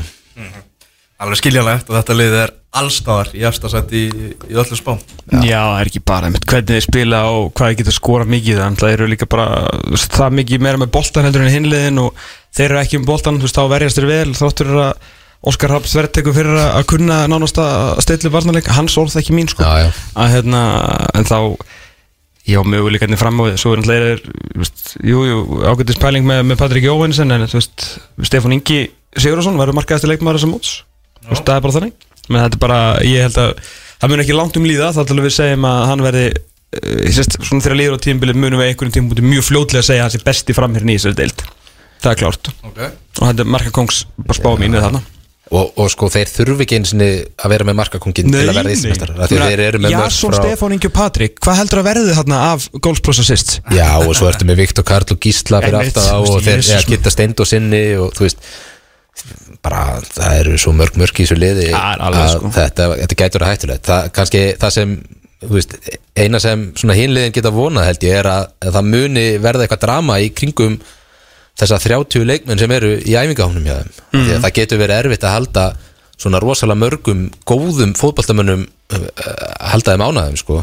Sko ég, ég skil pælinguna En ég held að bara þeir sem eru á bekknum eru annarkvort hérna semisátt, Alice þetta er helgir og ég held að hann gerir ekki einhverja kröfu fyrir utan að hann verið að vera er blík veist, með svona nokkra blika á bekknum og svo bara, þú veist, eins og Ágúst Eðvald, Eithor Völer hérna, lífsleikni þjálfarinn Klæmynd, maður hérna kemst ekki í hópen en samt, veist, þú veist, rosa góður á æfingum, hvað hafa þeir að segja? Þú veist, Óskar segja er náttúrulega bara þegja Já, Þú veist, þeir hafa ekki tilkallilið og ef þetta er eitthvað vesen þá verður þau bara moved on. Já, já, já. Ég minna, þú veist, það, það eftir að koma í ljósið Hvernig mun Óskar tækla það ef það kemur upp eitthvað vandamál? Mm. um, að Því að, þú veist já, ég, ég veit ekki, ég held, held að skipta engum máli hvað leikmaðurinn heitir að hver hann er veist, það er aldrei gaman að vera á bæknum Nei, nei, nei. Hva, Hvað þá lendir allt í hennu utan hóps Ég meina, Gústi Ágúst Öðvald er búin að spila nánast alla leiki á Íslandi sem hann hefur verið á Íslandi mm -hmm. meina, hann spilaði alltaf hjá Víkingum hann spilaði hjá F-fæðingum, hann spilaði hjá Völsurum mm -hmm. Ætlar hann bara að vera kátur að- vera að koma inn á 80. mínútu bara því að það er, að því að það er einhver, einhver annar kantmaður en sem er örlítið betur en hann, ég veit það ekki þú veist, mm. Eithor Völ er ég, þek, ég þekki hann ekki neitt en þú veist, var hann að fara í breyðablik til að vera einhver varaskefa ég, bara, ég veit það ekki sko. Nei, og, en myndum maður ekki halda að þeir myndu sjá það fyrir eitthvað fljótt að hinn í görðin er allir betri en þeir? Já, en, en sko þó að þú sjáir það þá ert ekki til ánæða með það. þú veist, ég, ég hérna það, það fyrir bara eftir karakterunum og það fyrir líka eftir stemningunum í hóknum, ég meina Já. ef þeir ef þeir vinna fyrstu fimm leikin sína þá, þá, þú veist, þá er rosa gaman og þá getur enginn sagt neitt. Nei, nei. Ef þeir, ef þeir fara að tapa stífum hér og þar og þú kemst samt ekki í liðið, þú veist, þá fyrir það að vera pyrrandi Mhm. og, og hérna þannig að ég, veist, ég er bara ég er bara vona að gerist eitthvað, eitthvað smá þannig að við fáum spennandi íslandsmót. Ég, ég nenni ekki að blika stingi aftur af sko. það þetta er svona meira óskikja á mér bara. Já, já. En þú óttast það greinilega að það verði getið orðið bara raunin aftur Já, já, en, en þú veist við höfum svo sem séð það, það er rosalega erfitt að alltaf verja hennan Íslandsmeistartitil það er ekki mörgur sem hefur tekist það og, og oft hafa lið verið bara spáð því, þú veist, hvort sem það er KR á sínum tíma eða, eða Valur eða, eða eitthvað hafa spáð bara aftur að muni rústa deildinni en svo, svo gerist það ekki. Þannig að það, ég óttast það en, en, en það er alveg, þú veist, möguleikar að það gerist ekki heldur Hákáðingar, þarna, eins og segir Kópa og Slagur og Hákáðingar er núna með við stjórnvölinn hjá sér bara mesta Hákáðing sögunar nánast. Já, Ja, Það er alveg klárt mál að hann myndi elska ekkert meira heldur en að geta strýtt breyðablík í, í fyrstu. Já, og mm, það er bara vonandi að, að hákáðangarum mitt nái að, að, að kveikja á háká hjartan í sér og, og mæti gjörsanlega brjálæður inn á leik og stríði blikum aðeins um, ég, ég, held, ég er ekki búin að sjá eina spá held ég sem háká er ekki spáð næsta sætinu. Og það er rosalega auðvelt einhvern veginn að spáða um næsta sætinu. En, en ég er svona ég, ég bý við hliðin á kórnum og, og hérna þetta er svona mitt mitt hverfis lið þannig að ég er svona smá vona að þeir, að þeir fara ekki lóðbætt niður en, hérna, en þeir eru svona liði sem já, er auðveldast að spána niður. Hvað er spáður sem leik? Þetta er svona Ég- byrja hvað þú segja Fjögur, fimm? Já, ég var, ég var að segja ég vonaðist til að háka aðeins að, að, að kveiki í sig sko en, en hérna, nei, ég var að segja 3-0 blikar. Já. Þú Ég meina þetta er bara nánast liðið sem að Já, svona alltaf því liðið sem að fór niður. Ég meina Marciano Assis, spennandi uh, Faka Meðverunum, þú veist Lítur vel út sko, allir rapp með leiki í sér deild En svo bara er þetta meira að minna strákutin sem að Fóru niður sem að þýr að þeir, jú, eins og með fylki Hafa reynslu úr deildinni En hafa líka reynslu að fara niður úr henni. Já. Já, ég, þú veist Það er mjög, allan fyrir mínu parta Mjög fátt sem að kitla mig við háká Það er tvent, ég myndi segja að veri Asís og þjálfarinn. Já, já, spennandi þjálfari. Ég, ég var ánægð með þessa ráningu hjá þeim að, gefa honum sensin og, og svo bara halda því áfram að því að stóð sér mjög vel. Heldur betur. Um, en, en þú veist, þeir hefðu held ég þurft að vera gera meira á leikmannamarkaðnum. Maður svona, heyrði kannski sérstaklega í fyrra vetur uh, þá heyrði maður alls kyn sögur sko, þeir væri að bjóða hinum og þessum einhverja, einhverja peninga og væri að reyna að fá leikmann og gekk ekkert upp. einmitt. svo bara, þá bara, ok, þá bara fá ekki neitt einhvern veginn var niðurstaðan sko. Þannig að ég, ég svona þú veist, með það sem maður heyrir einhvern veginn innan félagsins þá hefur maður haldið að þeir gætu þeir hefði getað fundið eitthvað aðeins meira sko en Já, ég er mjög hrættur um að þeir getur verið í svona pakkanum sem að varst að tala með IBVF á hana því að þú veist það er eitthvað verið að tala um að þeir ætla að bæta við sig leikmönnum Já. en af hverju er það ekki búið, þú veist kannski bara erum við markaður og Já, bara já. ber bara verðingu fyrir því, þú veist Norðurlöndin er að fara á stað vantilega liðin þar að Mhm. þú veist að sikt út hverjir falla niður trjángreinunnar og hvernig þetta fá ef þú ert að pæla í ykkur þannig, ég held að íslenski markaður sem, e eða þá er mitt einhverja lánsmenn úr Já. Eða, eða hérna. Já. úr stærri liðunum, þannig að það er auðvitað erfitt fyrir liðið svo háká að keppa okkur um jafnkvæmtis grundvelli að samanvelli í, leikmannamálum en þetta er samt alltaf erfitt og þarna getur líka verið lentur svolítið í hérna eh, eftir á í kaplöfinu en þá náttúrulega hjálpar til blessað úslakefnin já, gerir mikið fyrir einmitt svona lið sem eru sænum stað já, já, já. Veist, já, já, lengir móti fyrir þá og, og gæti náðu að púsla saman einhverju liði eða, eða fundið eitthvað í glugganum með eitthvað slíkt en, en ég menna hættan er að þeir verði bara komnir of langt frá hinnum liðunum þegar úsliðakefnum byrjar þannig að það mun ekki skipta neinu máli. Nei, það er, það er alveg, alveg einmitt alveg góð, góð hætt á því sko. Þannig að við fáum allan svona það verður hiti og það verður svona stemning en, en maður svona býst ekki við spennandi Nei, það myndi allan að koma manni vel óvart og vera ómari og þeim hvítu og rauðu til mikils hross ef þeir getur gert þetta einhverju leik. Já, Leikinnir á öðrum degi páska K.A. K.R. og fylgir keflaðik verða klukkan 2 Svo 18.30 Valur IPVF Tveir leikir 19.15 Stjarnavíkingur og Fram F.O. Og svo klukkan 8 er það breyðablik Háka Rétt smá fréttir að Volt Trafford, Marcus Rashford lagði upp mark fyrir Anthony Martial af Já. öllum mönnum eftir herfileg mistök Seamus Coleman sem að gaf þetta marka á silfurfatti en gríðalega slæm tíðindi fyrir Manchester United eru þau að Marcus Rashford var að fara á velli meittur og uh, aftur ekki skjóta sendibúan en mér síndist að vera tóknur aftur í læri fyrir ekki hann að vera bara eitthvað stífur. Og þetta eru ekki góðar fréttir því að hann er ásand Bruno Fernandes eh, langbesti leikmaður þessar liðs. En góð fréttinar aftur á móti á Vot Vekost fær síðustu tíu. Já. Manchester United 2, Everton 0 og 10 myndur eftir á, á, þeimleik Herra, því ég var að spyrja þess að vorum veit að hún kannski fór ekki vel með þig persónulega þetta var svona og hún alltaf var mjög leiðinlega fyrra af mörgum ástæðum. Uh, allt og laung og hún verður stitt núna þú veist við erum að fara að klára mótið fyrr og þetta verður þéttar þannig að uh, ef þú tekur það svona inn í myndina að, þetta verður spilað þéttar uh, og þú verður bara á hliðlinni núna Já. að hérna hvernig leist þér á, á að því að þú hefur spilað þetta hvernig svona funkar þetta almennt? Sko ég er alveg fylgjandi því að, að, að hafa þessu úslitakemni eða allan fylgjandi því að reyna að fjölga leikjum í tildinni uh, og, og þetta var kannski svona held ég bara besta útgáfan af því fyrirkomulagi sem maður heyrði. Já, ég ljósa þess að það er, þetta er eina sem hættir að bakka með. Já, og þú veist uh, Já, já, einmitt. Uh, það, Já, ég hef ekki verið hrifin að að fjölga liðunum held ég. Um, en, og hérna og svo svona þessi þrefalda umferð sem var líka rætt veist, ég heldur sem ekki alveg klári í það einhvern veginn. Nei, 33 árum fyrir. Já, og já og, en hérna, en þetta var náttúrulega sko þú veist, við gátum ekki verið óefnari með úrslutakefni fyrra. Nei, nei, þetta var bara, það var einhvern veginn allt ráðið. Eina sem var að spila um var þú veist, sjötta sætið og, og, og ég man ekki fymta sætið eða eitthvað sko hann í lokin og, og fyrir auðvitað það náttúrulega kom sko versta við þetta var þetta landsleikjarlið sem kom beint fyrir úrslutakefnina emmitt þannig að maður beigði einhverja rúmar tvær vikur eftir fyrsta leik og svo var þetta bara á viku fresti hana í fimm vikur í röð. Hvernig var æfingavikan á milli 27. og 27. fyrir?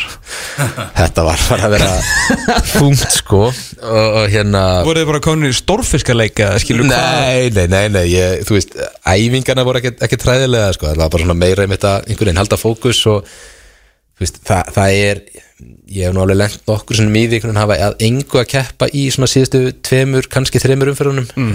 ég held til dæmis bæði árin hjá, hjá Káur, það voru við bara fastir í þriðarsæti þegar að þrjár umferður voru eftir sko, og hvað- var engi sens að fara ofar nýja neðar og veist, það er það er svona e, gallin við delta fyrirkomulag bara skilur að það getur gerst en, en það er ekki þetta að breyta því. Um, en hérna, en þú veist ég, ég er alveg hrifin að því að vera með þessu úslitikefni og, og sérstaklega ef hún er spilur hraðar það er bara, veist, það bara verður að vera. Það er ekki hægt að vera með fimm leikir röð það sem er vika og milli leikja og Nei. ekkert annað í gangi. Uh, Þannig að veist, við, við fáum bara meira spennandi úrslutikefni núna og þetta verður alveg geggjað sko Já, það er, það er, það er auðvitað líkillin aðeins Ég meina að horfa á 27. fyrrna í Vesturbænum Káar Valur með 27 í stúkunum þegar það er flötið á sko. Já. bara, Já, bara að leita í lút En við Já. fáum auka Evropasætið inn Við fyrst fáum vondi fallbaráttu og mögulega topparáttu Já. En auka Evropasætið mun líka gera helling Það er alltaf að tromma upp hérna. Evrópuslag og eitthvað Alveg horrið sko. Já, þetta, já, þetta, var, þetta var erfitt í, í fyrra sko. Já, þetta var, þú veist Jú, ég meina, það er bara hægt að skrifa það á óhefni líka, skilur veist, það er ekkert það er ekkert hægt að teikna upp hvernig Íslandsmóti mun spilast. Nei, nei. Og það er nú að skemmtilega við íþróttir sko, það getur allt gerst. Og við höfum fengið frábæra enda út á Íslandsmót og við höfum fengið svona, svona móta sem eitthvað stingur af og, og einhvern veginn, þú veist ég, ég meina í fyrra þetta var bara hálf astnalegt hvað var einhvern veginn að ynga keppa í lokin. Mm -hmm. Uh, Íslandsmeistarráðnir, Evrópusætin ráðin fallbaráttan var búin.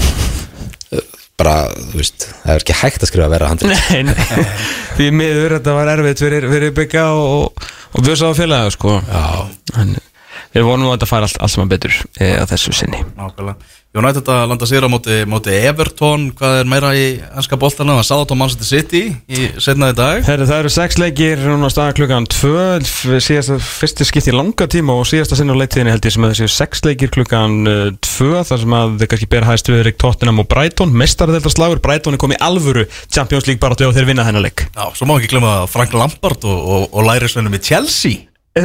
Mæta á Ulfonum Frank Lampard mættur sem uh, hérna, bráðabirastjóri Chelsea. Þetta kallar maður að halda góðu sambandi. Já, þetta kom mjög óvart.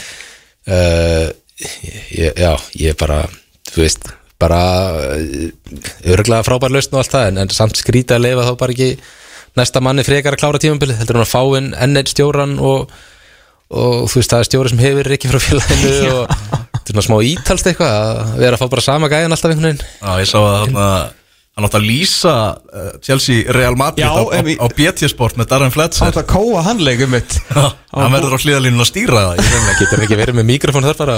Það var alltaf mjög, mjög áverð Greið Bruno, en Bruno Saltor Ég meina þú veist hann á þá 90 mínútur og gott stig gegn Liverpool. Já, já, Illa Peppa er vandalega búin að setja skilur mynda fjölskyldunum og skrifst og þú veist, fá hérna einhverja átta leiki sem stjóri Chelsea Já. á fjórða ári í þjálfun. Já, en þeir á kannski átt að segja því að hann væri jú á fjórða ári í þjálfun og vilja fá okkur aðeins meiri reynslu að sko.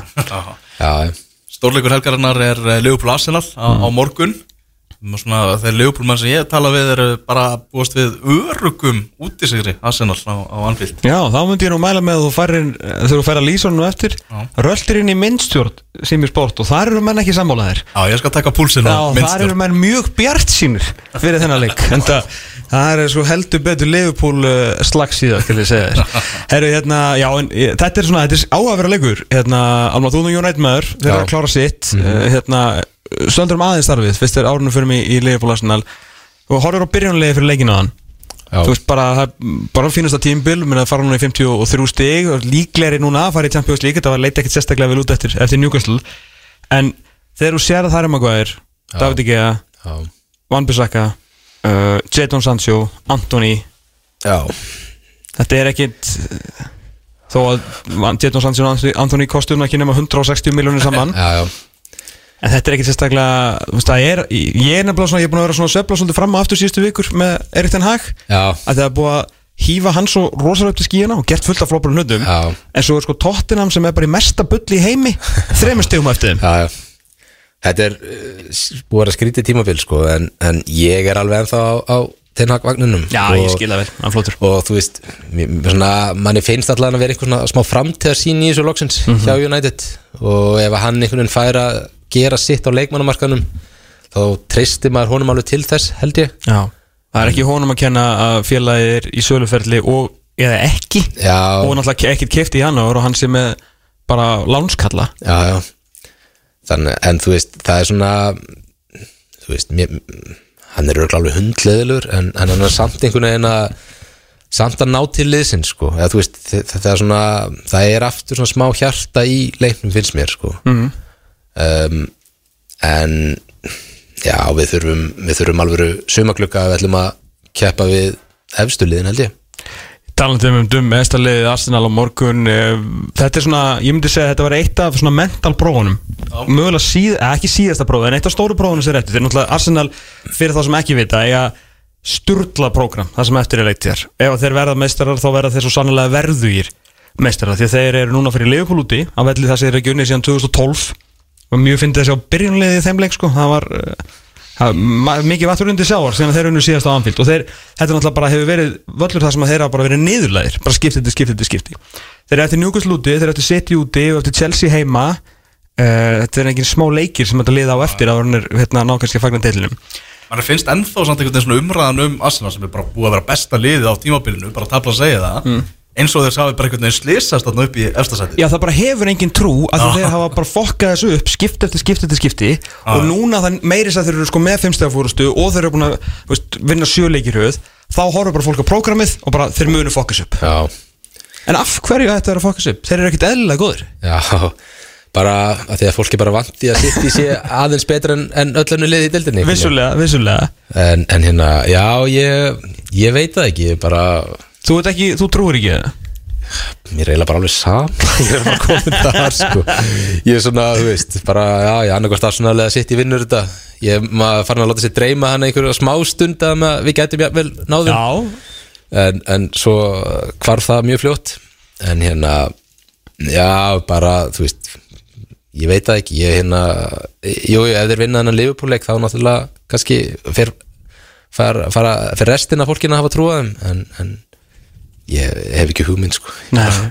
Náttúrulega ég seti að fara að keppa við bókiliði sitt frá þess að veitir, Sáðhondon Einu leikurinn sem að Nathan Jones held ég að unnið það var þegar skelltuðum í deildabikatum og er engin, fólk er ennþá að skoða þann leik hvort það hefði verið rétt úrslit sko. Það var bara lélega stæli heimi hundi stjórn Nathan Jones en náðu samt að vinna sitt í sko. Já, Nathan Jones verður svona góð og erfið pubquiz spurning bara eftir ár. Það verður allir bara búin að, búin að gleyma honum. Við vorum með hérna Uh, já, uppbyttur fyrir en leik við myndum sjá það eftir sko var hérna stig fyrir og eftir hvort það borgi sig að, að, að skipta um þjálfara. Uh, í deildinu, hvernig, hvernig það verið og bara að stig per leik, ekki, ekki dýbri tölfara það, en alltaf endanum skiptir þetta allt bara, er brúslinn sem skipta máli. Og þetta hefur gengið uh, allstaðar, það er ekki kannski góða frétti fyrir þá sem er að móti því að láta þjálfarna fara en þú veist, Úlfarnir, Aston Villa bara, Leeds Sáhondon í setnaskiptið og segi í setnaskiptið að Ralf Hasnúllur með 0,86 stig per leik ekki gott, ekki gott því að það vartu sko vel undir 40 stiga mútnum Nathan Jones hlóði svolít en 0,36 stig í leik. Já, sem því að hann þarf að spila þrjá fótballtaleiki til að ná jafntefli. Það er vonda frétti fyrir svona stjórana sem eru í Championship-dildin að gera góða hluti þar. Það verður minna hortið þeirra núna. Já, já, Nei, Þetta er ekki, ekki Þetta, verðist virka að skipta þjálfur sko. Og hver, Já. hver verður 13. jólasveitin til að látið, látið fara? Það verður engin úr þessu. Boys já. Það Mois. er, það er nógu eftir. Fyrir, fyrir englendingin til að reyka það annan mann sko. Þú getur aldrei heilt pub hvist bara um þetta tíma, bara þjálfarskiptin á þessu tímabili sko. Já, einmitt. Já, þetta getur verið svona loka eða jafnt. Bara þú veist list upp stjórna hver, sem voru reknir, og svo já. er svo sem með fleiri vinnur. Já, þetta er, þetta er mikið, mikið að gerast í þessu sko Heyrðu, ef ekki að fara að hleypað auglýsingum Það er rannast upp auglýsingapakkar hérna Almar, takk hjálpa fyrir komuna, hrikalega gaman að fá þig. Og fórst bara við að sjá þig á vellinum Já. uh, í öðru hlutverki í, í sumar. Hérna, ekki spurning, höfum áfram til smá stund. Þá kom Almar í kjallega fyrir og hér á eftir uh, ætlum við að ringja til Kongsins Lingbæjar þar sem að uh, freysi á góðri vegferð. Á vegferð, ekki að þá komið að reyna að halda Lingbænum í súbulíka með rétt smá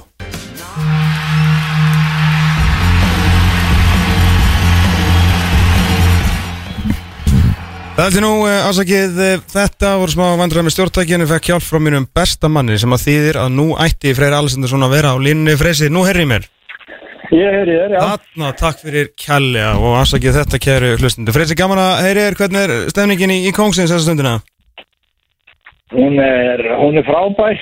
Hún er frábær? Það er besti, já, bara besti dagur sem hefur verið í, ég veit ekki, langa, langa tíma. Það er átjástaði hitti. Já, ok, þannig að það er ekki gul viðvörn eins og í okkur Nei, nei, það, það er búið að vera mikið rigning samt í allt, allt vor, en það er, það er fyrsti sumardagurinn í dag, svona alvöru sumardagur. Ok, ok, ekki, ekki amalegt fótbolti náttúrulega fara Nei. á fulla ferðarna hjá okkur og Herru Freysi, það er bara að vera að ganga bara miklu, miklu betur heldur en uh, áður. Við komum sterkir inn núna eftir, uh, eftir hérna háanfríði og bara vetrafríði í, Danmörku. Hvað svona, ef við byrjum bara svona að þessu gengi, er ekki, er ekki bara heldur létt yfir mannskapnum að, að svona vera að ná úslitum viku til viku? Jó, það er, það er mjög góð stemning í, í kringu liði og bara trú á hlutunum og, og svona momentum. Þetta það er mikilvægt að ná momentum, sérstaklega núna þegar við komum í þetta uh, skjúttspil eða hvað, já, þegar við búum að skipta upp deildinni. Mm -hmm.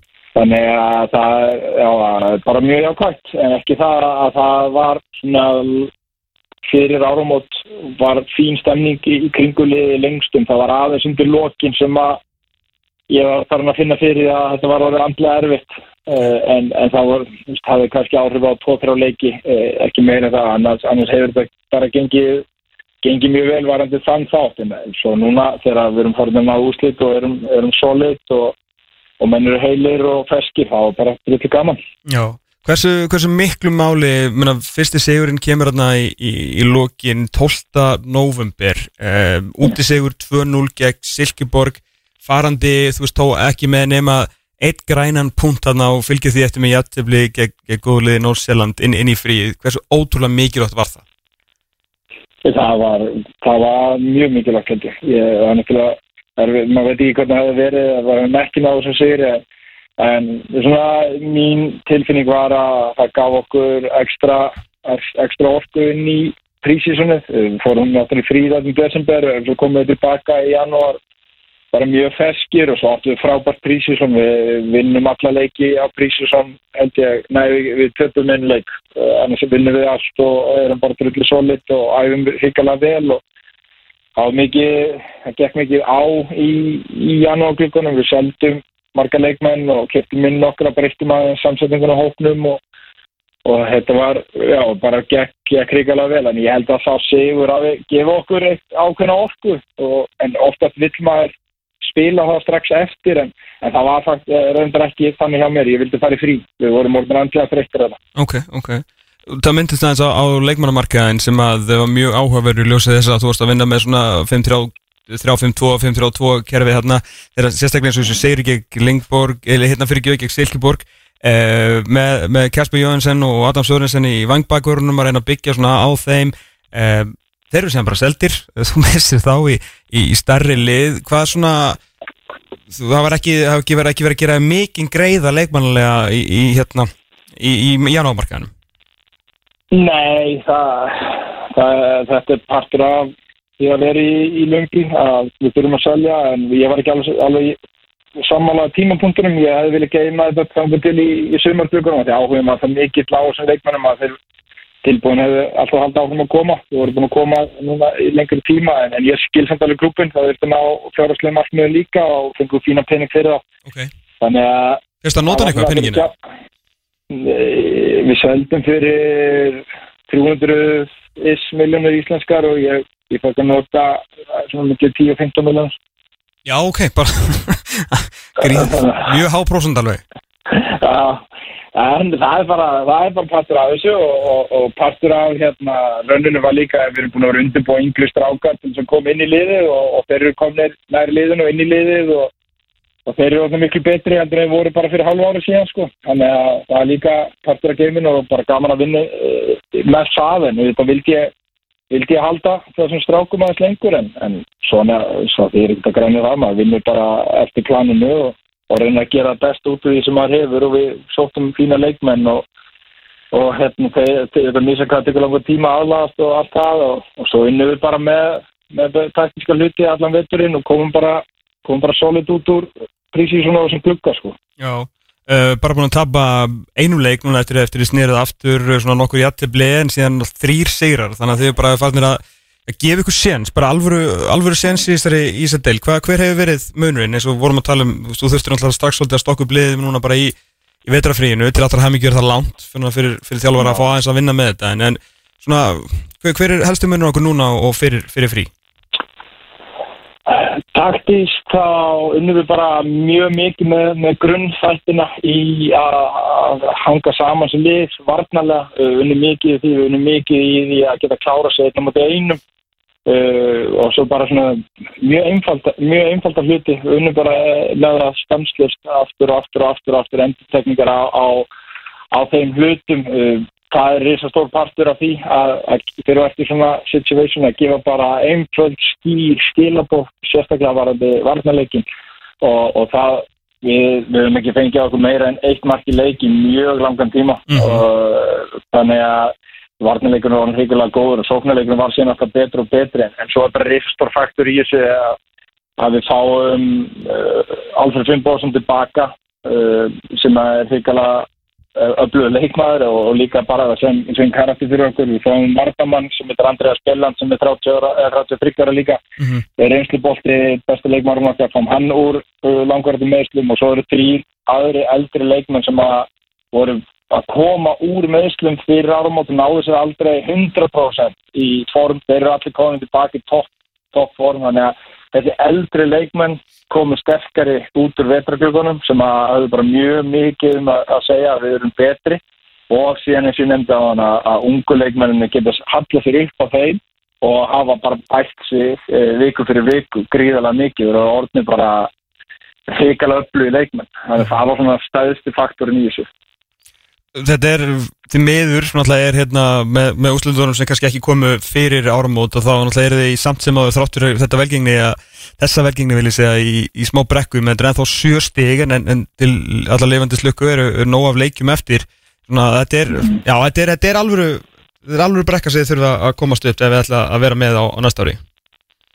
Já, já, er, er þetta ekki 60 núna? 16-23, er það, ég er nú ekki sérstakur í starfæðin það er rétt Já, Já, ég, ég kíki ekkert óbúslega mikið á töfluna ég veit að þeir eru það sem ég veit er að við erum búin að ná allavega að sexa þetta niður um helming Já, eh, á, á, á sex leikjum og við erum nýju leiki eftir núna. Já.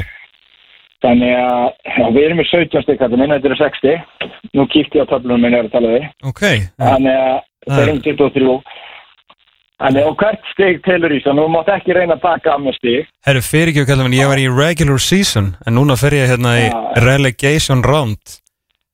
Herru, þetta eru, á að segja það rétt Þetta eru sex stig. Þetta er góður. Þannig að, ég meina, þetta er bara Þetta er ekki neitt, þetta er strax allt annað. Þetta er gal, ég, þetta er allt annað. Þetta var þegar við komum inn í vetrin eh, núna vorið eins og þetta kallast mm. Og eiginlega vonlust að tölu allir þannig ég hafði samt einhverju tilfinningu að við vorum búin að greina allt í döðlur. Mhm. að við vorum fyrsta lagi búin að vera klaufar og öðru lagi óætnir eh, bæði í framistöðum og svo líka með meðisli og þegar að við sá að leikmennu voru búin að bæði bæta sig þessi yngri og, og vorum að eldri leikmenni að ef við myndum ná momentum við þurftum að treysta og önnu lið myndi líka aðeins standi í stað að þá gætu við komið okkur í þessa stöðu. Þannig að þa- það sem við erum búin að gera er frábært. En ef við náum að halda okkur inn the mixer eins og ég er búin að segja bara strákana ef við erum fimm stegum frá þessu með náðum við niður í fimm steg fyrir síðustu þrjárum fyrir þá rættu okkur. Ok, ok. Veist, það, þannig að það er bara svona að, að halda okkur gangandi gegnum þetta allt og halda okkur að saksa hægt og rólega á það. Það veist, þá, þá verður við in the mixer og, Já.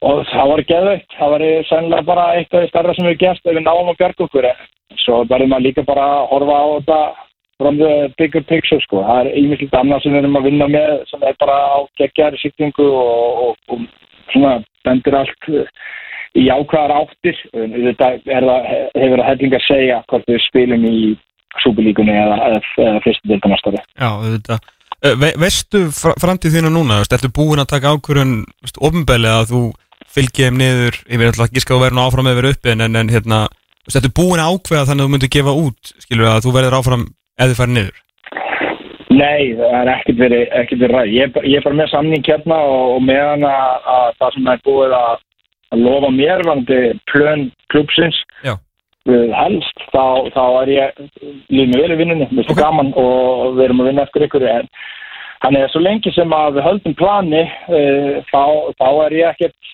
ekkert að, það er ekki að gefa eitt með neitt út sko, Nei, þá er bara mæti ég bara vinnun og næði best út úr staffinu minni og, og, og leikminni minni og sjálfum er í leiðinu. Já, þú, þú talaðir hérna sem myndist árið óhefnir þá náttúrulega var því miður fyrir ykkur maður var að horfa á svona skoða highlightin og mörkin sem voru að fá okkur að þetta var svona stundum svona eins og blooper reel á, á YouTube sko mörkin sem ykkur tósta að fá okkur sem að svona ekki var vantilega ekkert að hjálpa svo bara í síðasta leik fá Nei. okkur mark eftir ykkur sekundur og maður svona ah, kom þér aftur þangað en Já, kannski ólíti sem við voru endilega að gera fyrir jól og þá bara fítónskraftur búin að jafna eftir þrjálmyndur og svona kannski einmitt Já. svona þróun á liðinu og munurinn það kemur sjálfströsti og reynslu miklu leikmennin á öllina og, og lyfta okkur upp. En það er alveg rétt, við töpum, við töpum fimm leikin fyrir áramót á eigin, sko, eins og þú segir, bara bloopers, bara ykkur sem bara ágifara hægt, þú veist, eh, eitt sem mann eftir í farum, í mótin Ósæðand vorum yfir og þeir skjóta bóttanum í gegnum veggin,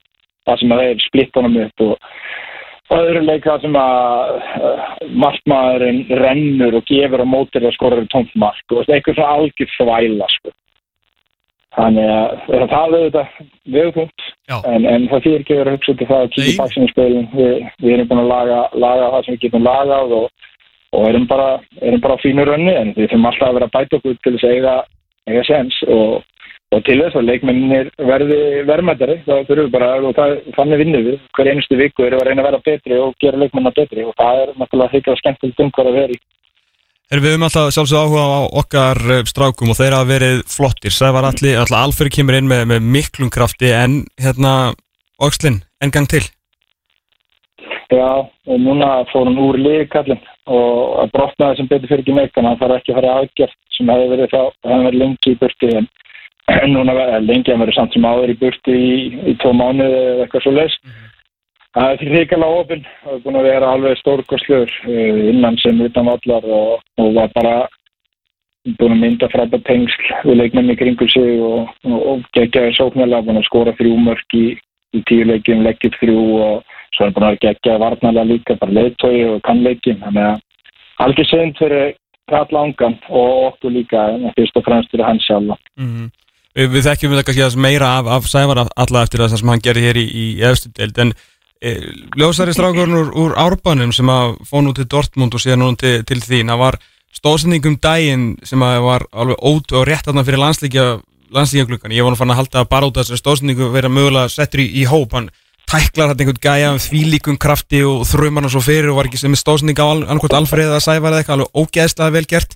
Uh, gaman, að sjá, gaman að sjá hann bara spila mestrarflug fótbolta og, og, hérna, og vera svona, svona öflugur. Heilmikið spunni hennar strák Já, rosa mikið spunnið hann og hann hefur verið fljótur aðlegast, uh, mjög fljótur, þannig að hann er bara búin að býta sér fast inn í liðið og getur bæðið að spila kant og, og vangbakur og bakverð og, og hann hefur bara búin að skólast vel í Þýskalandi. En hann er frábær einnum og einum varnarlega uh, góður er náttúrulega geggjar á boltanum með rosalega vinstri fót og gott vision óbúslega hlaupagitu, hann er að sprengja alla, alla mælingar. Og og við, erum bara ríkalega ánægð með Kolben og hann á rosalega bjarta framtíð fyrir sig og, og mikilvægt fyrir hann að fara að spila uh, leiki sem skipta miklu máli og er smá sviðslös á honum og hann á bara bjarta framtíð og við erum ríkalega ánægð með hann. Hvað er hann í, í dag? Ég veit hann er svona vangbakur hjá þér er það svona, ef þú ættir að ráleikja honum eitthvað ef að koma ykkur lið á, á eftir veist, stærri klubbar eða þannig að hérna, ætti hann að selja sig gefa sig út bara sem vinstri bakur í dag sem hann getur spilað vangbakur eða er hann ennþá svona sóknar þengjandi eins og kannski var á yngri árum enn yngri árum? Já, já, hann- er ennþá sóknar þrengjandi en hann er bara búin að skóla sig svo rosalega varnarlega. Hann er mjög upplöður þar. En klárlega uh, fyrsta staðan er, bakverður, sóknar bakverður uh, að hann er svo góður að boltanum. En, en svo getur hann líka spila uh, kant í fjöru fyrir tönn til dæmis frábært þar og Þannig að hann er bara en, en, eins og góður vinnur okkar Arna Gullugson sagði um daginn, fótbolt í dag á veist, það er ekkert fast formation, það er að þróast aðeins e- eftir því hvaða leikmenn þú ert, þegar Koll er að spila í okkur, veist, hann er oft mætti bara sem tíja og inn í bóksið og, og stundum er hann alltaf mætti bara hægra með þegar hann sér eitthvað moment þar, hann er, þetta er bara fljótandi, svo lengi sem það er harmonía í liðinu þá,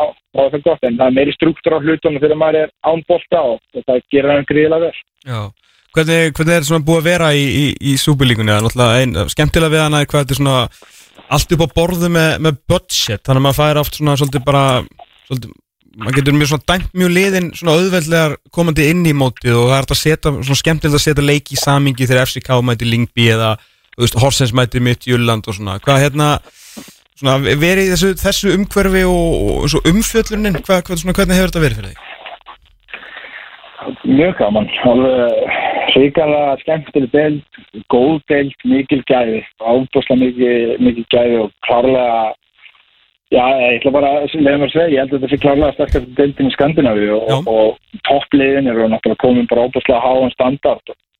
Og allir leikið comparative umfjöllun er fín og áhugin er gríðlega mikill óbúrslega vel sótt á vellina, það er uppseltin í parkin náttúrulega bara hverju einasta leik og það eru 30 pluss þúsund og uh, hjá okkur er uh, allar áhverjum til farnar bara uppur öllu valdi. Við erum konir í kringu 6.000 average og að upp hjá okkur tvísvar og þannig að það er bara óbúslega mikill áhugi og skemmtilega svona umgjörði í, í kringu hlutina Mm. Þannig að maður mað nýtur þess bara, eh, ekki spurningin ekkert, eh, þetta er ekkert öðru sem var um umfjöllun á Íslandi og umfjöllun í Danmörku það eru alveg snillingar að tala um hlutina og líka svo kallega sérfræðingar innan gesalaffa þannig að það breytist ekki, ég held að það sé í öllum löndum sko. En, en í svona 5 miljón manna landi eru þú veist alveg svona proper þú veist svona menn sem fara í töðnar að þeir sem að hafa rödd skilur, er þetta alveg er, þetta meira á stórum miljunum eða er ykkur svona, er ykkur podcast sem að eru kannski ekki official en hafa samt rödd sem að,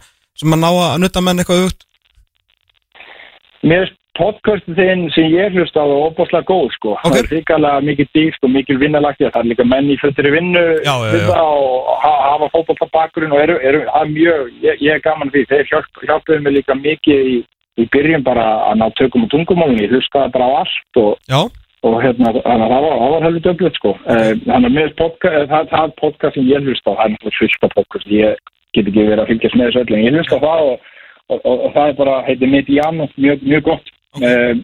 og svo, sjónvarsfjöldurinn er náttúrulega bara mjög mjög öflug en, en svo bara eins og við þekkjum var þetta búið til sjónvart þeir eru náttúrulega bundnir tímaslotti og undir pressu og það er takmarkað hvað fólk getur farið dýtt og svo framvegis þannig að ég er nú orðin næla þróskaði til þess að láta það ekki farið tegðan á mig að hluta að koma að því allavega Herru, hérna áruna við, ég hvað þig. Þú er búin að gefa það út við, við sýstir sig fókbaltum.net í, í Danmörku bold.dk að, að þú ætlir ekki að taka við íslenska landsliðinu á, þessari stundu. Er, er, sagður heldur held í Japan að það var nú ekki búin að ringi því yfir höfuð en þú, hérna, bara til þess að endur taka það að ef að þú fengið sínt myndi fá það þá er það ekki tímapunktur fyrir þig núna eða hvað? Eh, Ég sagði það að þegar hann spurði mig og í dag myndi ég eh, ekki taka við landsliðinu en það var á þeim degi. Ég, ég útilöku ekki neitt. Ég segja þetta eins og hlutumur eru. Ég held að allir allir uh, þjálfarar sem hafa tengingu í íslenska landsliði eh, eh, eiga bara ekki að útiloka það. ekki af því að þeir haldið þessi ungir eða ógamlir eða af því þeir eru staðsettir í, í Jamaica eða Íslandi eða Danmörku skiptir einhver máli. Ég, málið er bara ég, ég hef ekki haft samband við KSI eða öfugt þannig að ég hef ekki neitt til þess að að dæma út frá. Ég, þannig að ég er bara þjálfari lumbi og nút þess og þannig að ég hef ekki til þess að taka ákvörðun út frá. Og það, það var það sem ég var að reyna að segja þessum ágættis bláðamenni Ok, ég nenni ekki að ræða íslenska landsliði við bláðamenn og meðan það er ekki relevant. Ég er bara stuðnismæður íslenska landsliði svo maður er ekki lengur að það þannig að þetta er svona eins og í eh, Dumber, so you're telling me there's a chance allavega Já, ég held samt sem áður að ef, að ef að þau ætluð að ráða mig eða reyna að ráða þeim sem þjálfara þá var ég nú búin að hafa samtlætt, ég myndir að halda það sko. Já, já, að ég held að, ég held að vötnin, vötnin uh, liggi nú bara erlendis, heyrðis mig og, og, og ég vona bara að þetta verði farsa lausn, uh, lausn á, á hlutunum, ég held að það sé líki ladri. Já, náttúrulega, hérna, það er náttúrulega eitt leikmaður í deildinni sem að er eh, svona framtíðar von okkar í íslenska landsliðinu, Hákon Arnar Halsson að hefur nú heldur betur uh, ég maður les, maður opna alltaf vefmiðla lengur á hans að hann sé leikmaður vikuna, leikmaður mánaðarins leikmaður ásins, ég veit ekki hvað og hvað. Já, hann verið svo sannlega að vera að standa sig þarna og það nú, komur eitthvað nokkru mánuður, ég ætla ekki að segja sem þú spáður þessu, en sem þú sagði nú við einhvern, ég man ekki nákvæmlega hvað það var hann væri, kemur þér ekkert óvart að hann myndi ná langt, hann væri nú, nú þegar hann bestu pressasendir í Evrópu og hann er að spila á stærsta sviðinu í Superliga, í titilbaróttu það er ekki eins og hann sé að fá tækifæra því FCK er búið að henda frá sér tímbilinu, þvert á mótir er að sækja titilinn og, og treysta skagamannum unga fyrir að leiða þetta? Er þetta, ekki, þetta hlýtur að vera gríðarlega impressif að að sjá þetta svona í nála þess og þú hefur vantilega verið að fylgjast með. Já, alveg hrikalega impressiv. Ég er ótrúlega hrifin af Hákonni og það fyrir mörgum mánuðin síðan að þetta var varandi vartanleikinars og, og það er ekki breyst, það er bara bæst í.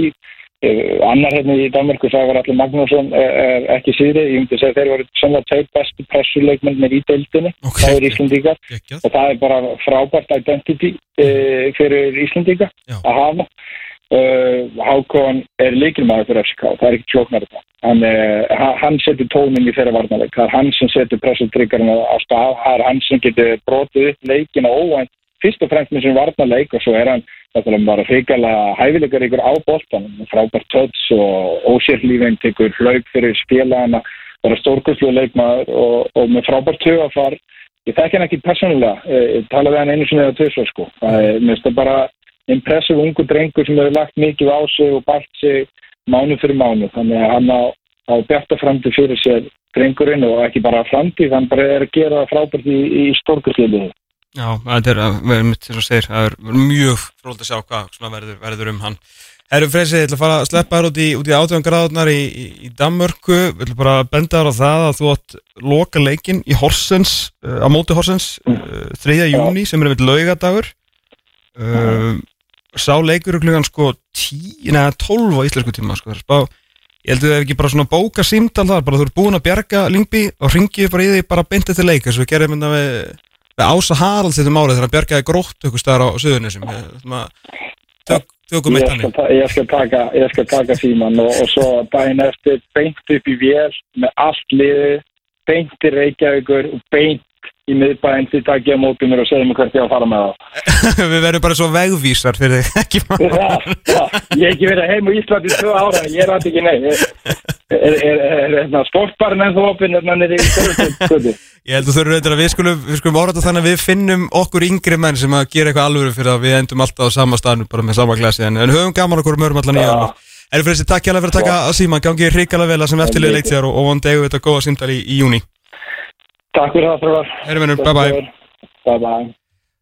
Það held ég Freyr Alessandursson uh, á uh, ákvæmtisvægferð með að bjarga Lingby úr super, eða halda sætisun afsakið því í superlíkunni sem er því ævintýralegur árangur fyrir þetta lið sem er með lang minnsta budgetið í þessari annars sterku deild. En ég heldur fyrir að slá botnin í þetta, fórum hér ítalegu fyrstu umferðin í bestu deildinni sem hefst á sunnundaginn með tveimur leikjum klukkan 2 vorum með sérstaklega gest Almar Ormarsson sem hefur fært sig af vellinum og í Íþrótt og fréttamann farin að vinna núna á Íþrótt og deild Rúf fór yfir öll liðin með okkur maðurinn sem var inn á vellinum bara fyrir nokkrum mánuðum síðan.